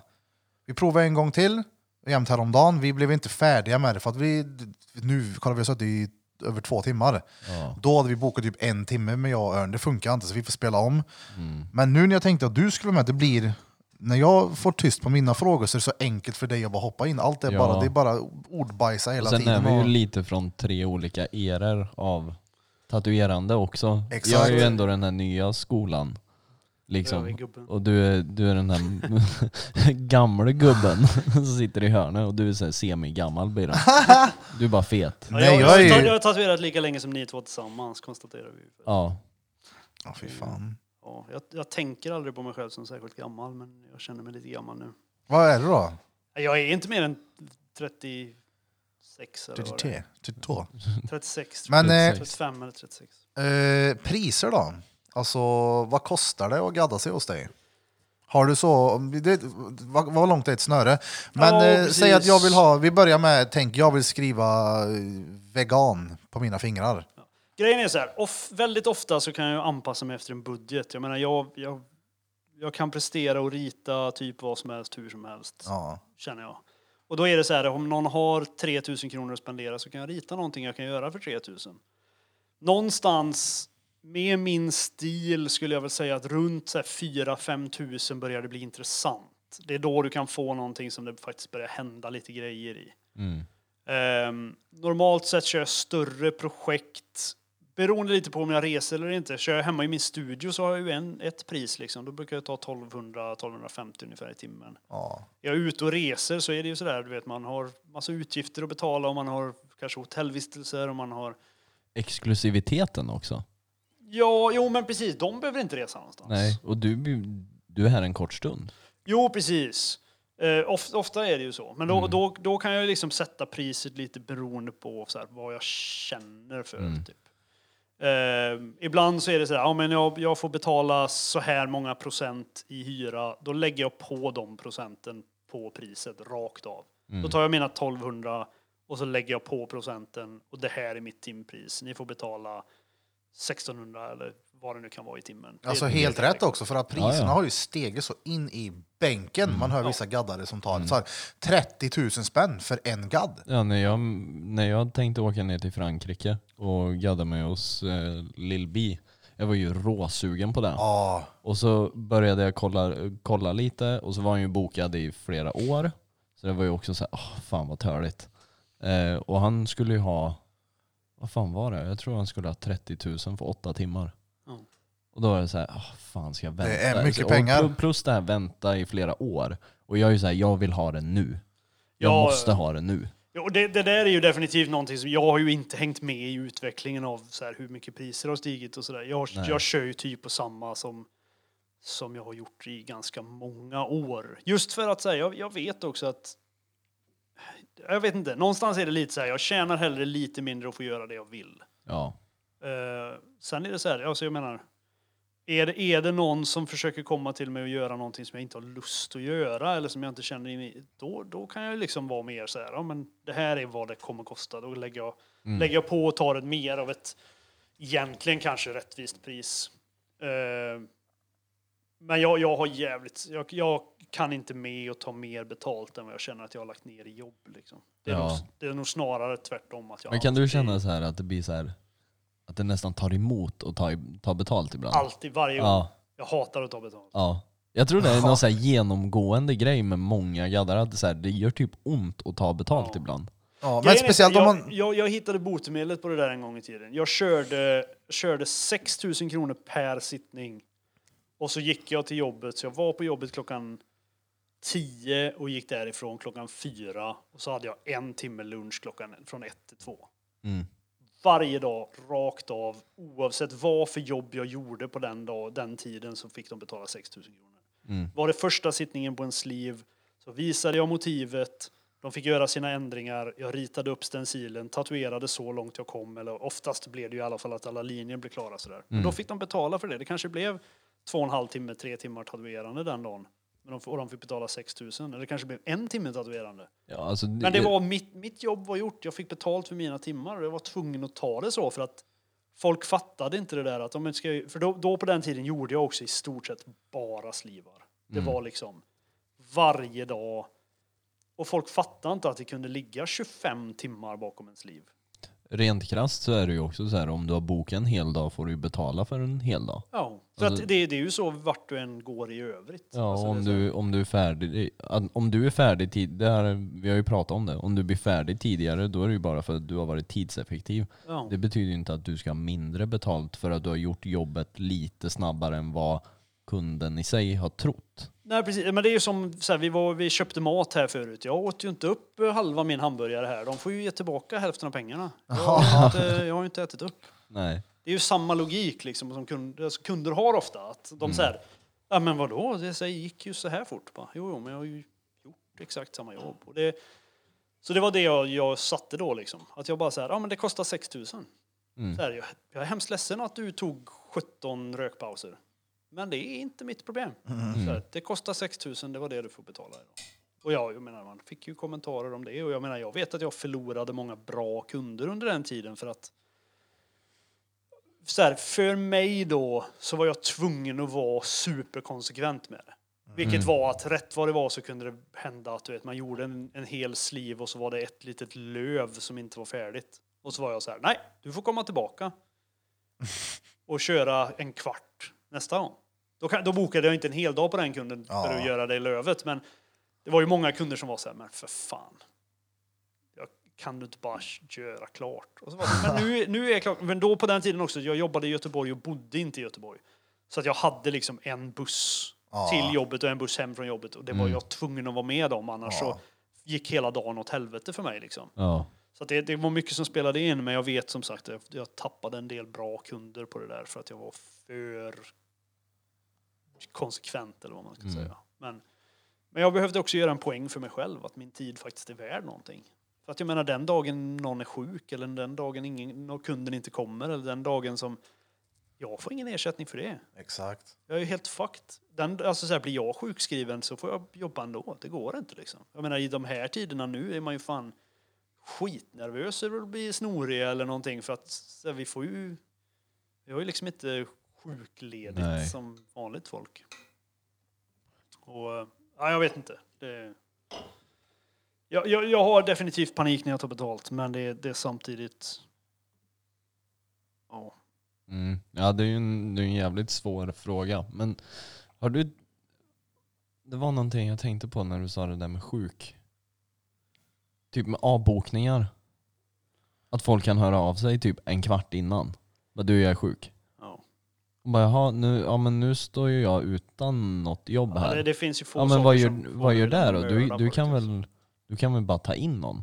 Ja, precis. Varför då, vadå, ska jag bara trolla fram en kund eller vad är... Ja, jag har, haft, jag har haft kunder som jag har fått ringa upp Mm. för att de inte har kommit. Och de bara, nej men jag ångrar mig. bara, Jaha? Ja, kan jag få tillbaka depositionen? Men det, du får väl ändå vara bright nog och fatta att när du har slösat bort hela min dag här Ja. så får du inte tillbaka dina pengar. Liksom. Ja. Så, så jävla dum kan du inte vara. Men det är ju folk. Tyvärr. ja. Fan. Men det är ju det där med att vara egen företagare och bli sjuk, det får man ju fan låta bli bara. Ja. Ja, det går ju inte. Nej. Det är samma att ha semester och sånt där, det är ju bara. Ja, det är exakt vad är semester. Ja, min semester brukar vara att åka och jobba någon annanstans. Ja, men det, Det- blir ju det- så. Alltså, det, det är samma sak här när jag också tänker på alltså, så här, semester. Det är ju att alltså, dra iväg, alltså, kanske plocka med sig poddutrustning och, och träffa folk. Eller åka och gadda någon annanstans. Eller bara... Ja, men det, det är någonting jobbrelaterat, för man är ju största jävla nörden. Det här är ju största intresset. Ja, det är ju det enda, det är det enda som finns. Alltså Ja. så här, ja, du vet, mat, tatueringar och bilar, det är ju det är ju så här. Eat, sleep, tattoo, repeat. Ja, men lite Podd så. emellan där så här, också. vad, vad, är, vad är livet utanför det? Det är ju så här, alltså, jag menar, det är väl lite Tinder. hårdraget, man har ju familj. Tinder säger han Kevin. Ja, nej, men det, jag vet inte. Det, det är... Alltså det, det är ju lite att ta igen. Jag, jag var tillsammans med en tjej i massa år som jobbade på kommunen liksom. Där det är så här. En minut över du har slutat ditt jobb, då sitter du i bilen på vägen hem. Ja. Och hon, hon kunde liksom inte förstå det där att ja men varför sitter du och ritar? Det är ju din födelsedag eller det är ju Ja. julafton eller det är liksom, ja men jag har kunder. Ja, jag, exakt. jag ska jobba hela jävla mellandagarna för att det är nu folk är lediga. Mm. Det är nu folk Ja. kan gadda sig. Men de, de man fattar också liksom jobbet bakom. Ja, Det- jag det är menar, så vi fattar ju det, men, Ja. men, men som sagt när man försöker prata med någon annan som Ja men det var det jag menar, inne en, i det, liksom, någon som inte ser det.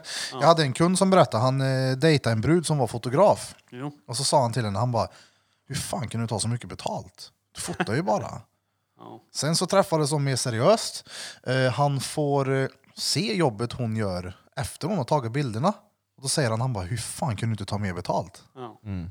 För att man fattar liksom, ja men du får en djupare förståelse för fan vad snubben eller bruden sysslar med. Det är, Ja. Jo, och det, men det är samtidigt det är inte alla som, som det nödvändigtvis går in för heller. Liksom. För att det, är- det är också sådär, som, som vi pratade om förut med att vara nördig och vara ner. lite, lite, stör, s- lite störd eller vad man ska kalla det. Att så här, min hjärna är så låst på de här grejerna så att för mig är det, jag kan ju inte begripa varför inte alla gör det här. Eller så här, för jag, jag kan inte förstå varför inte alla... Eller så här, jag, jag, kan inte fatta att inte de här grejerna är lika viktiga för alla andra. För att de är så viktiga för mig att jag hellre hade skippat att sova och äta. Mm. Men när man, oftast när man pratar med folk så är det, det, liksom, det finns inte direkt Nej, jag något att fick, jämföra. nej, jag fick den kommentaren för... Ja, nu, nu var det ändå jävligt länge sedan. Men då var det så här. Kan du inte göra det där imorgon? När jag satt och designade en grej på kvällen. Men vadå imorgon? Det är ju imorgon jag ska göra den. Jag måste ju vara färdig. Ja, Jag måste vara färdig till imorgon så att jag kan göra den imorgon. Ja, eller imorgon har jag något annat jag måste göra. Ja, Så att den här grejen måste bli klar idag så jag kan göra någonting annat imorgon. För Ja. Det är ju det är ju inte det att bara för att deadlinen är mött så ja, nu är jag färdig, nu är jag klar. Så här, för att nej, det är nästa kund och nästa kund och nästa grej och nästa promotionjobb och nästa tidningsartikel och nästa tröjtryck och nästa... Ja, det, alltså det där är någonting som, det där jag har lärt mig att, alltså inte, eller det ska jag inte säga, men jag blir inte lika förbannad. nej. Det är som jag kan vara här någon dag och jag har så jävla mycket saker att göra, så kan det komma någon och fråga, ja jobbar du inte idag? Ja du vet, jag säger, okej, nej jag jobbar inte idag, skojar du med mig? Vet du hur mycket skit jag har att göra eller? Det är alltid någonting att göra. Men bara för att man inte faktiskt tatuerar Exakt, så jobbar man inte. exakt. Det värsta är att jag, jag tror jag är likadan. Alltså jag tänker inte ens på mig själv. Som igår, när vi åkte hit upp. Då jobbade jag ju först. Och sen packade ihop mina grejer och körde hit upp. Och så satt jag och var så här, ja men fan vad gött att ha haft en ledig dag med familjen idag. Så, Och då hade du suttit och knegat på dagen liksom. ja, ja, visst, alltså jag, så här, jag jobbade, jag gjorde liksom mina kunder först och sen packade ihop grejerna och åkte. Ja. Och även det, jag menar jag var på studion och packade och höll på och liksom förberedde allting inför det här och jag ritade på morgonen och du vet, jag bara såhär, men fan vad soft så här. Jag har ju suttit i två timmar i bilen och pratat. Mm. Jag har ju varit ledig idag. Mm. Så här, det är ju jättenice. Ja men det är ju flera gånger jag har kommit på mig själv. Bara så här, ah, vad har du gjort idag? Bara, nej jag har bara varit hemma och så bara just jävlar, jag gjorde ju en kund idag också. Ja. Vad Jag har gaddat, jag har ringt 400 samtal, jag har gjort det, jag har klippt podd, jag har eh, beställt grejer, jag har gjort... Ja. fy fan. Städat, ja. Ja, men så här, inventerat lite och man har bara så här, och svarat på en massa mejl och om konstiga grejer som folk inte förstår. Eh, hur sköter du mm, alltså, kundkontakt? Ja, nu ser jag dig inte, nu sitter du precis bakom mixstativet. Hej hej du! Eh, nej men eh, kontakt med dig, är det via mail, Insta eller? Har någon jag, försöker, jag försöker sköta allting via mail för att då kan min sambo svara och Okej. folk förstår inte att det inte är jag. för att jag, jag har haft assistenter och allt möjligt som sköter sånt där. Jag Ja. är... Jag är så här, som sagt, min hjärna låser sig ganska lätt. Ja. Så att det är så här, om en, så fort jag slutar tatuera så börjar jag tänka på nästa grej jag ska göra. Om jag ska ut i verkstaden och bygga någonting eller om jag ska renovera på huset eller så här. Och, och tyvärr hamnar det där ofta på min sambo att hon får hålla ihop skeppet så att det inte sjunker bara för att jag glömmer av att jag måste boka in kunder liksom. Mm. Eh, Jag har ju, alltså så här, jag kan ju kolla på min telefon nu. Jag har eh, eh, 767 osvarade mejl. Oh, helvete. Eh, och alltså så här, det kan vara 14 år tillbaka så att jag vet inte alls vad det är för någonting. Men jag är ganska jävla dålig på det där. Så att mail, då finns det alltid ett sätt att söka reda på det. Det finns en sökfunktion där jag kan söka på kundens telefonnummer eller vad de vill ha eller vad de heter eller vad som helst och få upp det. Skriver de på Facebook så är det så här åtta månader senare så är jag så här, åh helvete den här kunden ville tatuera sig i augusti. Det sket sig ju. Eh, som sagt, ibland kommer min, min sambo in och, och styr upp det där. Hon är fantastisk och, och hjälper mig väldigt, väldigt mycket. Men det är ju, jag var ju utbränd i ganska många år. Och det var ju 100% på kunder. Det var ju liksom ingenting, det var inte det att jag inte ville jobba eller att det var jobbigt. Utan det var att jag var tvungen att prata med folk. Svara på mail, bearbeta det de sa till idéer som jag kunde rita. Det, det var liksom 100% det som körde ihop sig och då, då blev det liksom min... Då får jag få en lista liksom. Det här är vad du ska rita, det här är där den ska sitta. Mer som bara så här, ett protokoll för att får jag in, du vet, folks personlighet eller folks hur de skriver eller så här, då, då blev jag bara, då fick jag gå och lägga mig och sova liksom. Ja men jag fattar ändå det där. Alltså jag kan också tycka att just den så här inledande kontakten kan vara bra mycket mer dränerande än att sitta och gadda i åtta timmar. Ja, ja. Oh ja, herregud. Och sitta och svara folk i tre timmar kan vara minst lika slut av att jobba två heldagar. Ja, ja, Ja, ja, ja. absolut. Men just Ja, den här nej, det, grejen- det, för mig är det så här, får jag... jag... Jag förstår att man, ibland har man ju överseende med folk som är nervösa och liksom så här, men får jag mer än tre, fyra meddelanden av någon som vill tatuera sig, då, då får jag lämna över det till min sambo. Ja, det blir, då- det blir påfrestande. Det går inte alltså. Som, du- som sagt, ibland vissa man har förståelse för dem. Kanske första gadden, eller någon som inte ser det på samma sätt som en annan som inte är fullgaddad. Det köper man ju. Men det, det, det kan ju vara, man kan ha så här tio kunder att kontakta. Jag, jag gillar ju att prata, jag är ingen bra på att formulera mig i, i text. Och då ringer man de här tio. Och då är det två som svarar. Ja. Och då är det åtta andra som hör av sig när jag inte har tid. Och sen så är det, det, det är så jävla, som ni säger, dränerande på energi med och, Och just det- kundkontakten. Och så känner man sig som en fitta bara jag skulle ha hört av mig. Jag, jag, har ett, jag ser det tre som har skrivit till mig. Jag skriver, jag hör av mig ikväll. Och så kommer man hem efter en arbetsdag. Man är slut, speciellt om det är en barnvecka alltså. Och man ser och bara, nej, jag tar det imorgon. Och så får man den där påminnelsen, hallå, du har du glömt mig? Man bara, nej, alltså det, det har jag ju verkligen inte. Nej, men jag kan inte, jag, alltså orkar inte jobba dygnet runt med just den där äh, kontakten. Nej. För att jag måste sätta mig och designa en grej nu, till imorgon också. Då ska jag hinna med de grejerna. Ja. För mig, hade någon bara bokat in jobben så hade jag nog kunnat jobba dygnet runt tror jag. Mm. Men det är just det där. Och det är samma, jag, jag ganska ofta kan liksom så här, samtala och försöka vara trevlig och, och bra med min kund och sen sätter jag på mig mina hörlurar när jag börjar jobba för att Men då, så får jag bara in, du vet, rensat ut allt ur huvudet och lyssna på min egen dumma musik så kan jag. det är ju, nu är det ju andra gången du är här på studion och jobbar. Och vi har ju tänkt att det ska ske rullandes. Ja, Att du ska komma tillbaka och gästa. Eh, Jag har ju hänvisat folk alltså, och kontakta dig.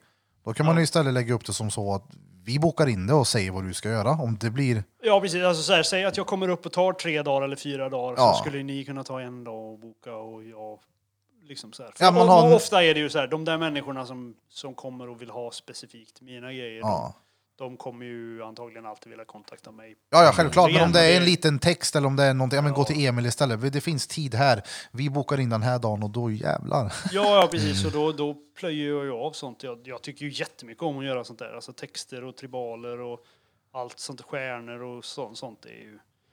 För det, det, är ju, det är ju sånt som inte kräver en... Alltså så här, även om det många gånger är kanske mer krävande i ögonblicket när man gör tatueringen just för att du har inga felmarginaler på det sättet. Ja, men det är inte den här huvudbryn på samma sätt. Nej, precis. Jag behöver inte jobba fem timmar på kvällen. Ja. Utan jag kan fixa den där grejen när kunden är här. Liksom. Och det, Ja, Men typ som man säger, om man kollar i kalendern, bara imorgon så ska jag fortsätta på en grej. Mm. Uh, vad gött! Mm. Eller Ja, om man har suttit som, om man har, har, jag jobbar ju i lite så perioder med vad jag tycker om att göra för någonting. Säg att man har en sån här black and grey period. Mm. Det är, man skuggar fram sina motiv och sen mitt i veckan ska jag göra någon så mer traditionell grej. Alltså det är så jävla skönt. Mm. Bara smacka på linjerna, gräva in färgen, Mm. törka av och säga hej med det. Mm, jag kan ju få sådana Det är så gött. när jag får, ja, men när jag har någonting som har blivit så här, okej nu gör jag det här och så ser jag pioner. Då är En jag sån så här, snabb. Ja, då blir jag så här, yes, vad gött. För då blir det verkligen, det blir verkligen som att jag bara kan gå på autopilot då. Ja. Och vi- jag vet exakt hur det här kommer se ut. Det är fan det bästa, när man får det där brytet. Ja, precis. Och jag, jag, jag har kommit, kommit tillbaka till att uppskatta de där simplare grejerna i, att tatuera. Liksom. Mm. Alltså som sagt, så här, data, utskriven text och Mm. sånt där. För att det är på något vis, det är fel kanske att säga enkla pengar, men det blir ändå sådär, Nej men det är ju det tar inte, det, det äter inte upp min själ. Exakt. Liksom. Och sen som du säger på det här sättet som du har liksom tidigare suttit och ritat dina alltså, fullfärgsskisser till gadden, det är ju sjukt. Det är inte Ja, konstigt precis. att du njuter av att sitta och inte göra ett skit. Mm. Det blir ju inte, alltså du fattar vad jag menar, inte göra ett skit om du jämför med... Ja, Med att linjera en hel arm som du har varit tvungen att sitta och gjort färgteori på hela kvällen dagen innan kontra göra en datatext på morgonen. Jag, jag har i och för sig, jag, jag kom ju till ett läge där jag, jag, just det här med att rita kvällen innan, det är någonting som jag inte riktigt sysslar med. Alltså. Mm. Det, det är så här, är det någon liten grej, typ något sånt här, som, jag, som jag har ritat upp här idag, då, Jag visar bilden kanske... på pumpan som man tatuerade tidigare Ja, idag. precis. Det är, det är ändå en ganska simpel grej, det är en dödskalle som ser ut som en pumpa. Så här. Den, den tog mig inte vårdslöst. Jag kanske designade den på sju minuter eller något. Mm. Ehm, det skulle jag kunna göra egentligen teoretiskt sett redan på morgonen. Men när jag gjorde slivar och sånt, Mm. då var allting helt klart minst två veckor innan. Så att jag kunde lägga den åt sidan och jobba på nästa projekt. För att då Ja. var det... Hade jag inte hela min teori och hela min idé klar två veckor innan, då, då kändes det bara... Då blev det stressigt Ja, liksom och precis. bara för mycket. Ja. Utan det var, då, då ville jag hellre vara, jag ville vara så bekväm i motivet att jag inte behövde tänka när jag jobbade. Liksom. Det satt redan i bakhuvudet. Liksom. Ehm, och det är väl egentligen, alltså jag menar det var väl lite grann, jag gjorde ju en liten färgskiss på den här pumpan också. Bara för att jag så här hade ett par minuter efter jag hade käkat lunch förut. Liksom. Och det, det, då blir det också sådär att jag, jag vet exakt vad jag ska göra. Det kommer inga överraskningar. Jag bara kan mata på och köra. Liksom. Mata på, mata på, mata på. Ja. Vad kul att du är där och jag är här. Jag är här. Ja, fy fan. Nej, det känns som vi får börja... eh, Vi får börja nu du. Vi får börja. Börja avrunda lite. Mm. Vi har suttit i två och en halv timme nu. Det har varit ett jävla bra Ja, tugg då. Det här får vi ju definitivt göra om. Förbi. Ja. Och i och med att du ska komma tillbaka och gästa. Ja, Eh, precis. Jag kommer väl någon gång i mars också. Ja, det får vi ju gå ut med på Instagram Yes. eh, när det är aktuellt. Och eh, ja, jag har en sista fråga här. Det är, vad skulle du säga till han eller hon som sitter hemma just nu och funderar på att bli tatuerare? Gör det inte. Nej, det slutar med att du står och äter talgbollar i en jävla skjul och blir döv på grund av stress. Eh, ja, jag vet inte. Det är ju, jag har ju jobbat med lite olika grejer. Jag har jobbat på så här, boenden för ensamkommande flyktingbarn och jobbat i butik lite grann och lite så här. Hoppat in med lite skit och jag håller på med ganska mycket saker på min fritid som är ändå andra människors jobb också. Så där. Renoverar hus och håller på. Och alltså tatuera Dels så tycker jag att branschen har förändrats så fruktansvärt mycket. Jag kan nog nästan säga så här. Hade, hade branschen ser ut, sett ut som den gör idag när jag började hade jag inte börjat. Det tror jag. Är det så? Ja, jag tror det. För att när jag började så var en bra tatuerare, eller en känd tatuerare var en bra tatuerare. Mm. Idag är en känd tatuerare en tatuerare som är duktig på att marknadsföra sig. Det är fan sant Ja, det. det, alltså det stämmer så in Ja, ja, jag menar, det, behöver inte nämna några namn och sådär, men det, vi sitter ju och diskuterar så här, eh, folk som är, alltså rent ut sagt, värdelösa. Mm. Som folk, alltså folk som inte kan tatueringar tror är svinduktig. Ja, För det- att det står en viss mängd följare på Instagram. Ja. Det är lite så här, ju mer följare du har, desto bättre är du. Mm. Är det i väldigt så här, ja men hur folk ser det. Ja. Bara Om jag hade haft 10 000 följare, då hade folk trott att jag är så mycket bättre än vad jag är. Ja. Jo, det, och det är det som slår sig för mig. För att för mig, jag var aldrig intresse- intresserad av att bli känd. Jag var aldrig intresserad av att bli igenkänd. Jag var aldrig intresserad av att bli någon sorts rockstjärna och ha massa kompisar. Och Jag var inte ens intresserad egentligen av att vara trevlig mot folk. Jag var bara, jag ville bara göra ett bra jobb. Jag ville, ba, jag ville jobba och göra roliga grejer och vara bäst. Det var det enda jag var intresserad av.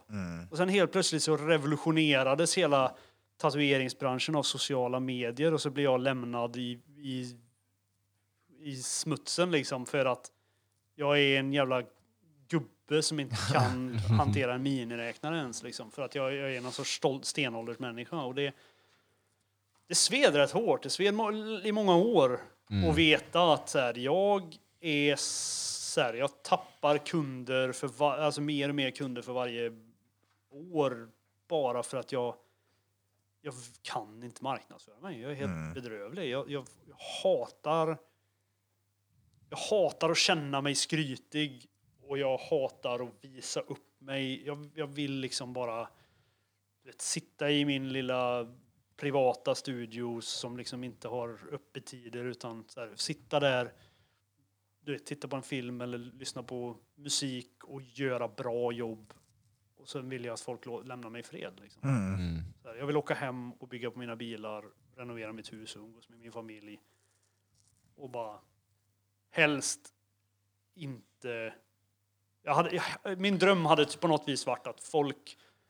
Att så här, namnet Emil Edge är, det är ett jättestort känt namn men folk har ingen aning om vem det är. Ingenting mer än så. Ja, man, man vet gadden och namnet. Lite som helt i- disconnectad från namnet egentligen. Som i så här uh, graffitiscenen. Där är det Ja, ju så. ja men exakt, man Men alltså- vet namnet och, och grejerna namnet Exakt, man, man, man, Ja, känner till, man känner till taggen men man vet, Ja. har ingen aning om vem det är. Och det är ju jävla så här, mystik, det är ju fett kul med det där. Jag Mm. minns när man var liten och höll på och måla graffiti och klottra och sånt. Det var ju, vem fan är det som skriver det där? Vem är det där? Ja. Man blir ju så jävla nyfiken så... Jo, jag menar det var ju så, grejen som sagt, det var ju som vi pratade om förut, det var ju så det var när jag började tatuera. Ja. Att så här, man hade ingen aning om vem folk var. Utan helt plötsligt gick man på en mässa och så var man bara så här, oj, där sitter Steve Moore och Paul Booth och så här, åh herregud, här är liksom hela raddan med alla de det så här där tatueringarna. de ser ut? Ja, men precis. Och så här, oj vad trevlig han var. Han ser ju ut som en jävla mördare och så typ är han någon sorts mysig fikafarbror. Liksom. Ja, jag riktigt tänker ju Så. Bob, Bob Tyrell och Paul Booth. Ja, Paul hur- Booth är ju någon jag tänker på som ser. Ja, han är ju hur trevlig som Ja. helst. Så jag satt och pratade med honom när jag var i Calgary så här 2006 eller vad det var. Riktig jävla mysfarbror liksom.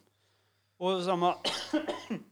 ehm, träffade eh, Bob Tyrell också där och det är samma där. Det är liksom riktiga fikafarbröder liksom som Ja. är hur mysiga som helst. Och man tänker liksom Ja, det är ju du vet, herregud, de har tatuerat Slayer och Ja, och har liksom en, någon sorts jävla skit tatuerat hela facet och har varit med i 30 år i branschen och du vet samlar på kranier och ö- ögon i burkar Booth, liksom. ja men han, Ja. det är så mörkrets första bara. Ja men verkligen. Och, men, och sen är det ju så, jag menar de där snubbarna var ju med på den tiden som det fan var på riktigt att vara tatuerare. När folk bröt knäskålarna på varandra och sånt där. Så att jag menar, den dagen han blir arg så sätter han nog de flesta på plats. Jag, jag vet, jag hörde historier och skit om när han hade hittat någon som hade bootleggat hans maskiner i Kina eller i Japan eller vad det var. Åh helvete, det var Då var det det var, party. det var inte vackert alltså. Ehm, men det var, det var som sagt, du vet, så här, när, man, när man liksom inte kände till personerna utan det blev på något vis först när de stod framför en som man fattade hur de såg ut. och så här. Det, var, det var något spännande och, och, och liksom. Den tiden kommer ju aldrig komma tillbaka heller. Det är det som är det tråkiga. åh fan. Men eh, tack som fan för att du ställde upp och var Ja, med här. själv. Och det är ärligt en riktig jävla ära att ha dig gästandes på studion. Ja det är fett. Ja, som fan också. Det har vi Ja. snackat om länge. Ja ja ja. Redan innan det var eh, aktuellt. Aktuellt. så var det så här, Emil skulle fan komma hit, det vore fett. Och Mm. Jag vet inte hur vi kom in på det. Jag minns inte. Eh, ja, det var, jag vet inte. Jag tror att jag bara fattade att jag ville ut och resa lite igen, så jag eh, skrev. Va? Var det inte jag som eh, kontaktade dig till slut? Kanske. Jag tror att fetare. Men, vadå, prat, Säg till dem, pratar pra, pra, ni någonting om det när ni... Ja, vi, jag vet att vi har pratat om det lite grann när vi har tatuerat, men jag som inte, alltså jag var en sån jävla enstöring så jag vet inte om jag någonsin faktiskt tog det på allvar. Men sen, sen när jag flyttade till min privata studio så kändes det som att nu, nu är jag faktiskt redo. Jag träffar så mycket mindre folk. Ja. Så att på något vis öppnar det dörren för att Så du vill ha socialt umgänge?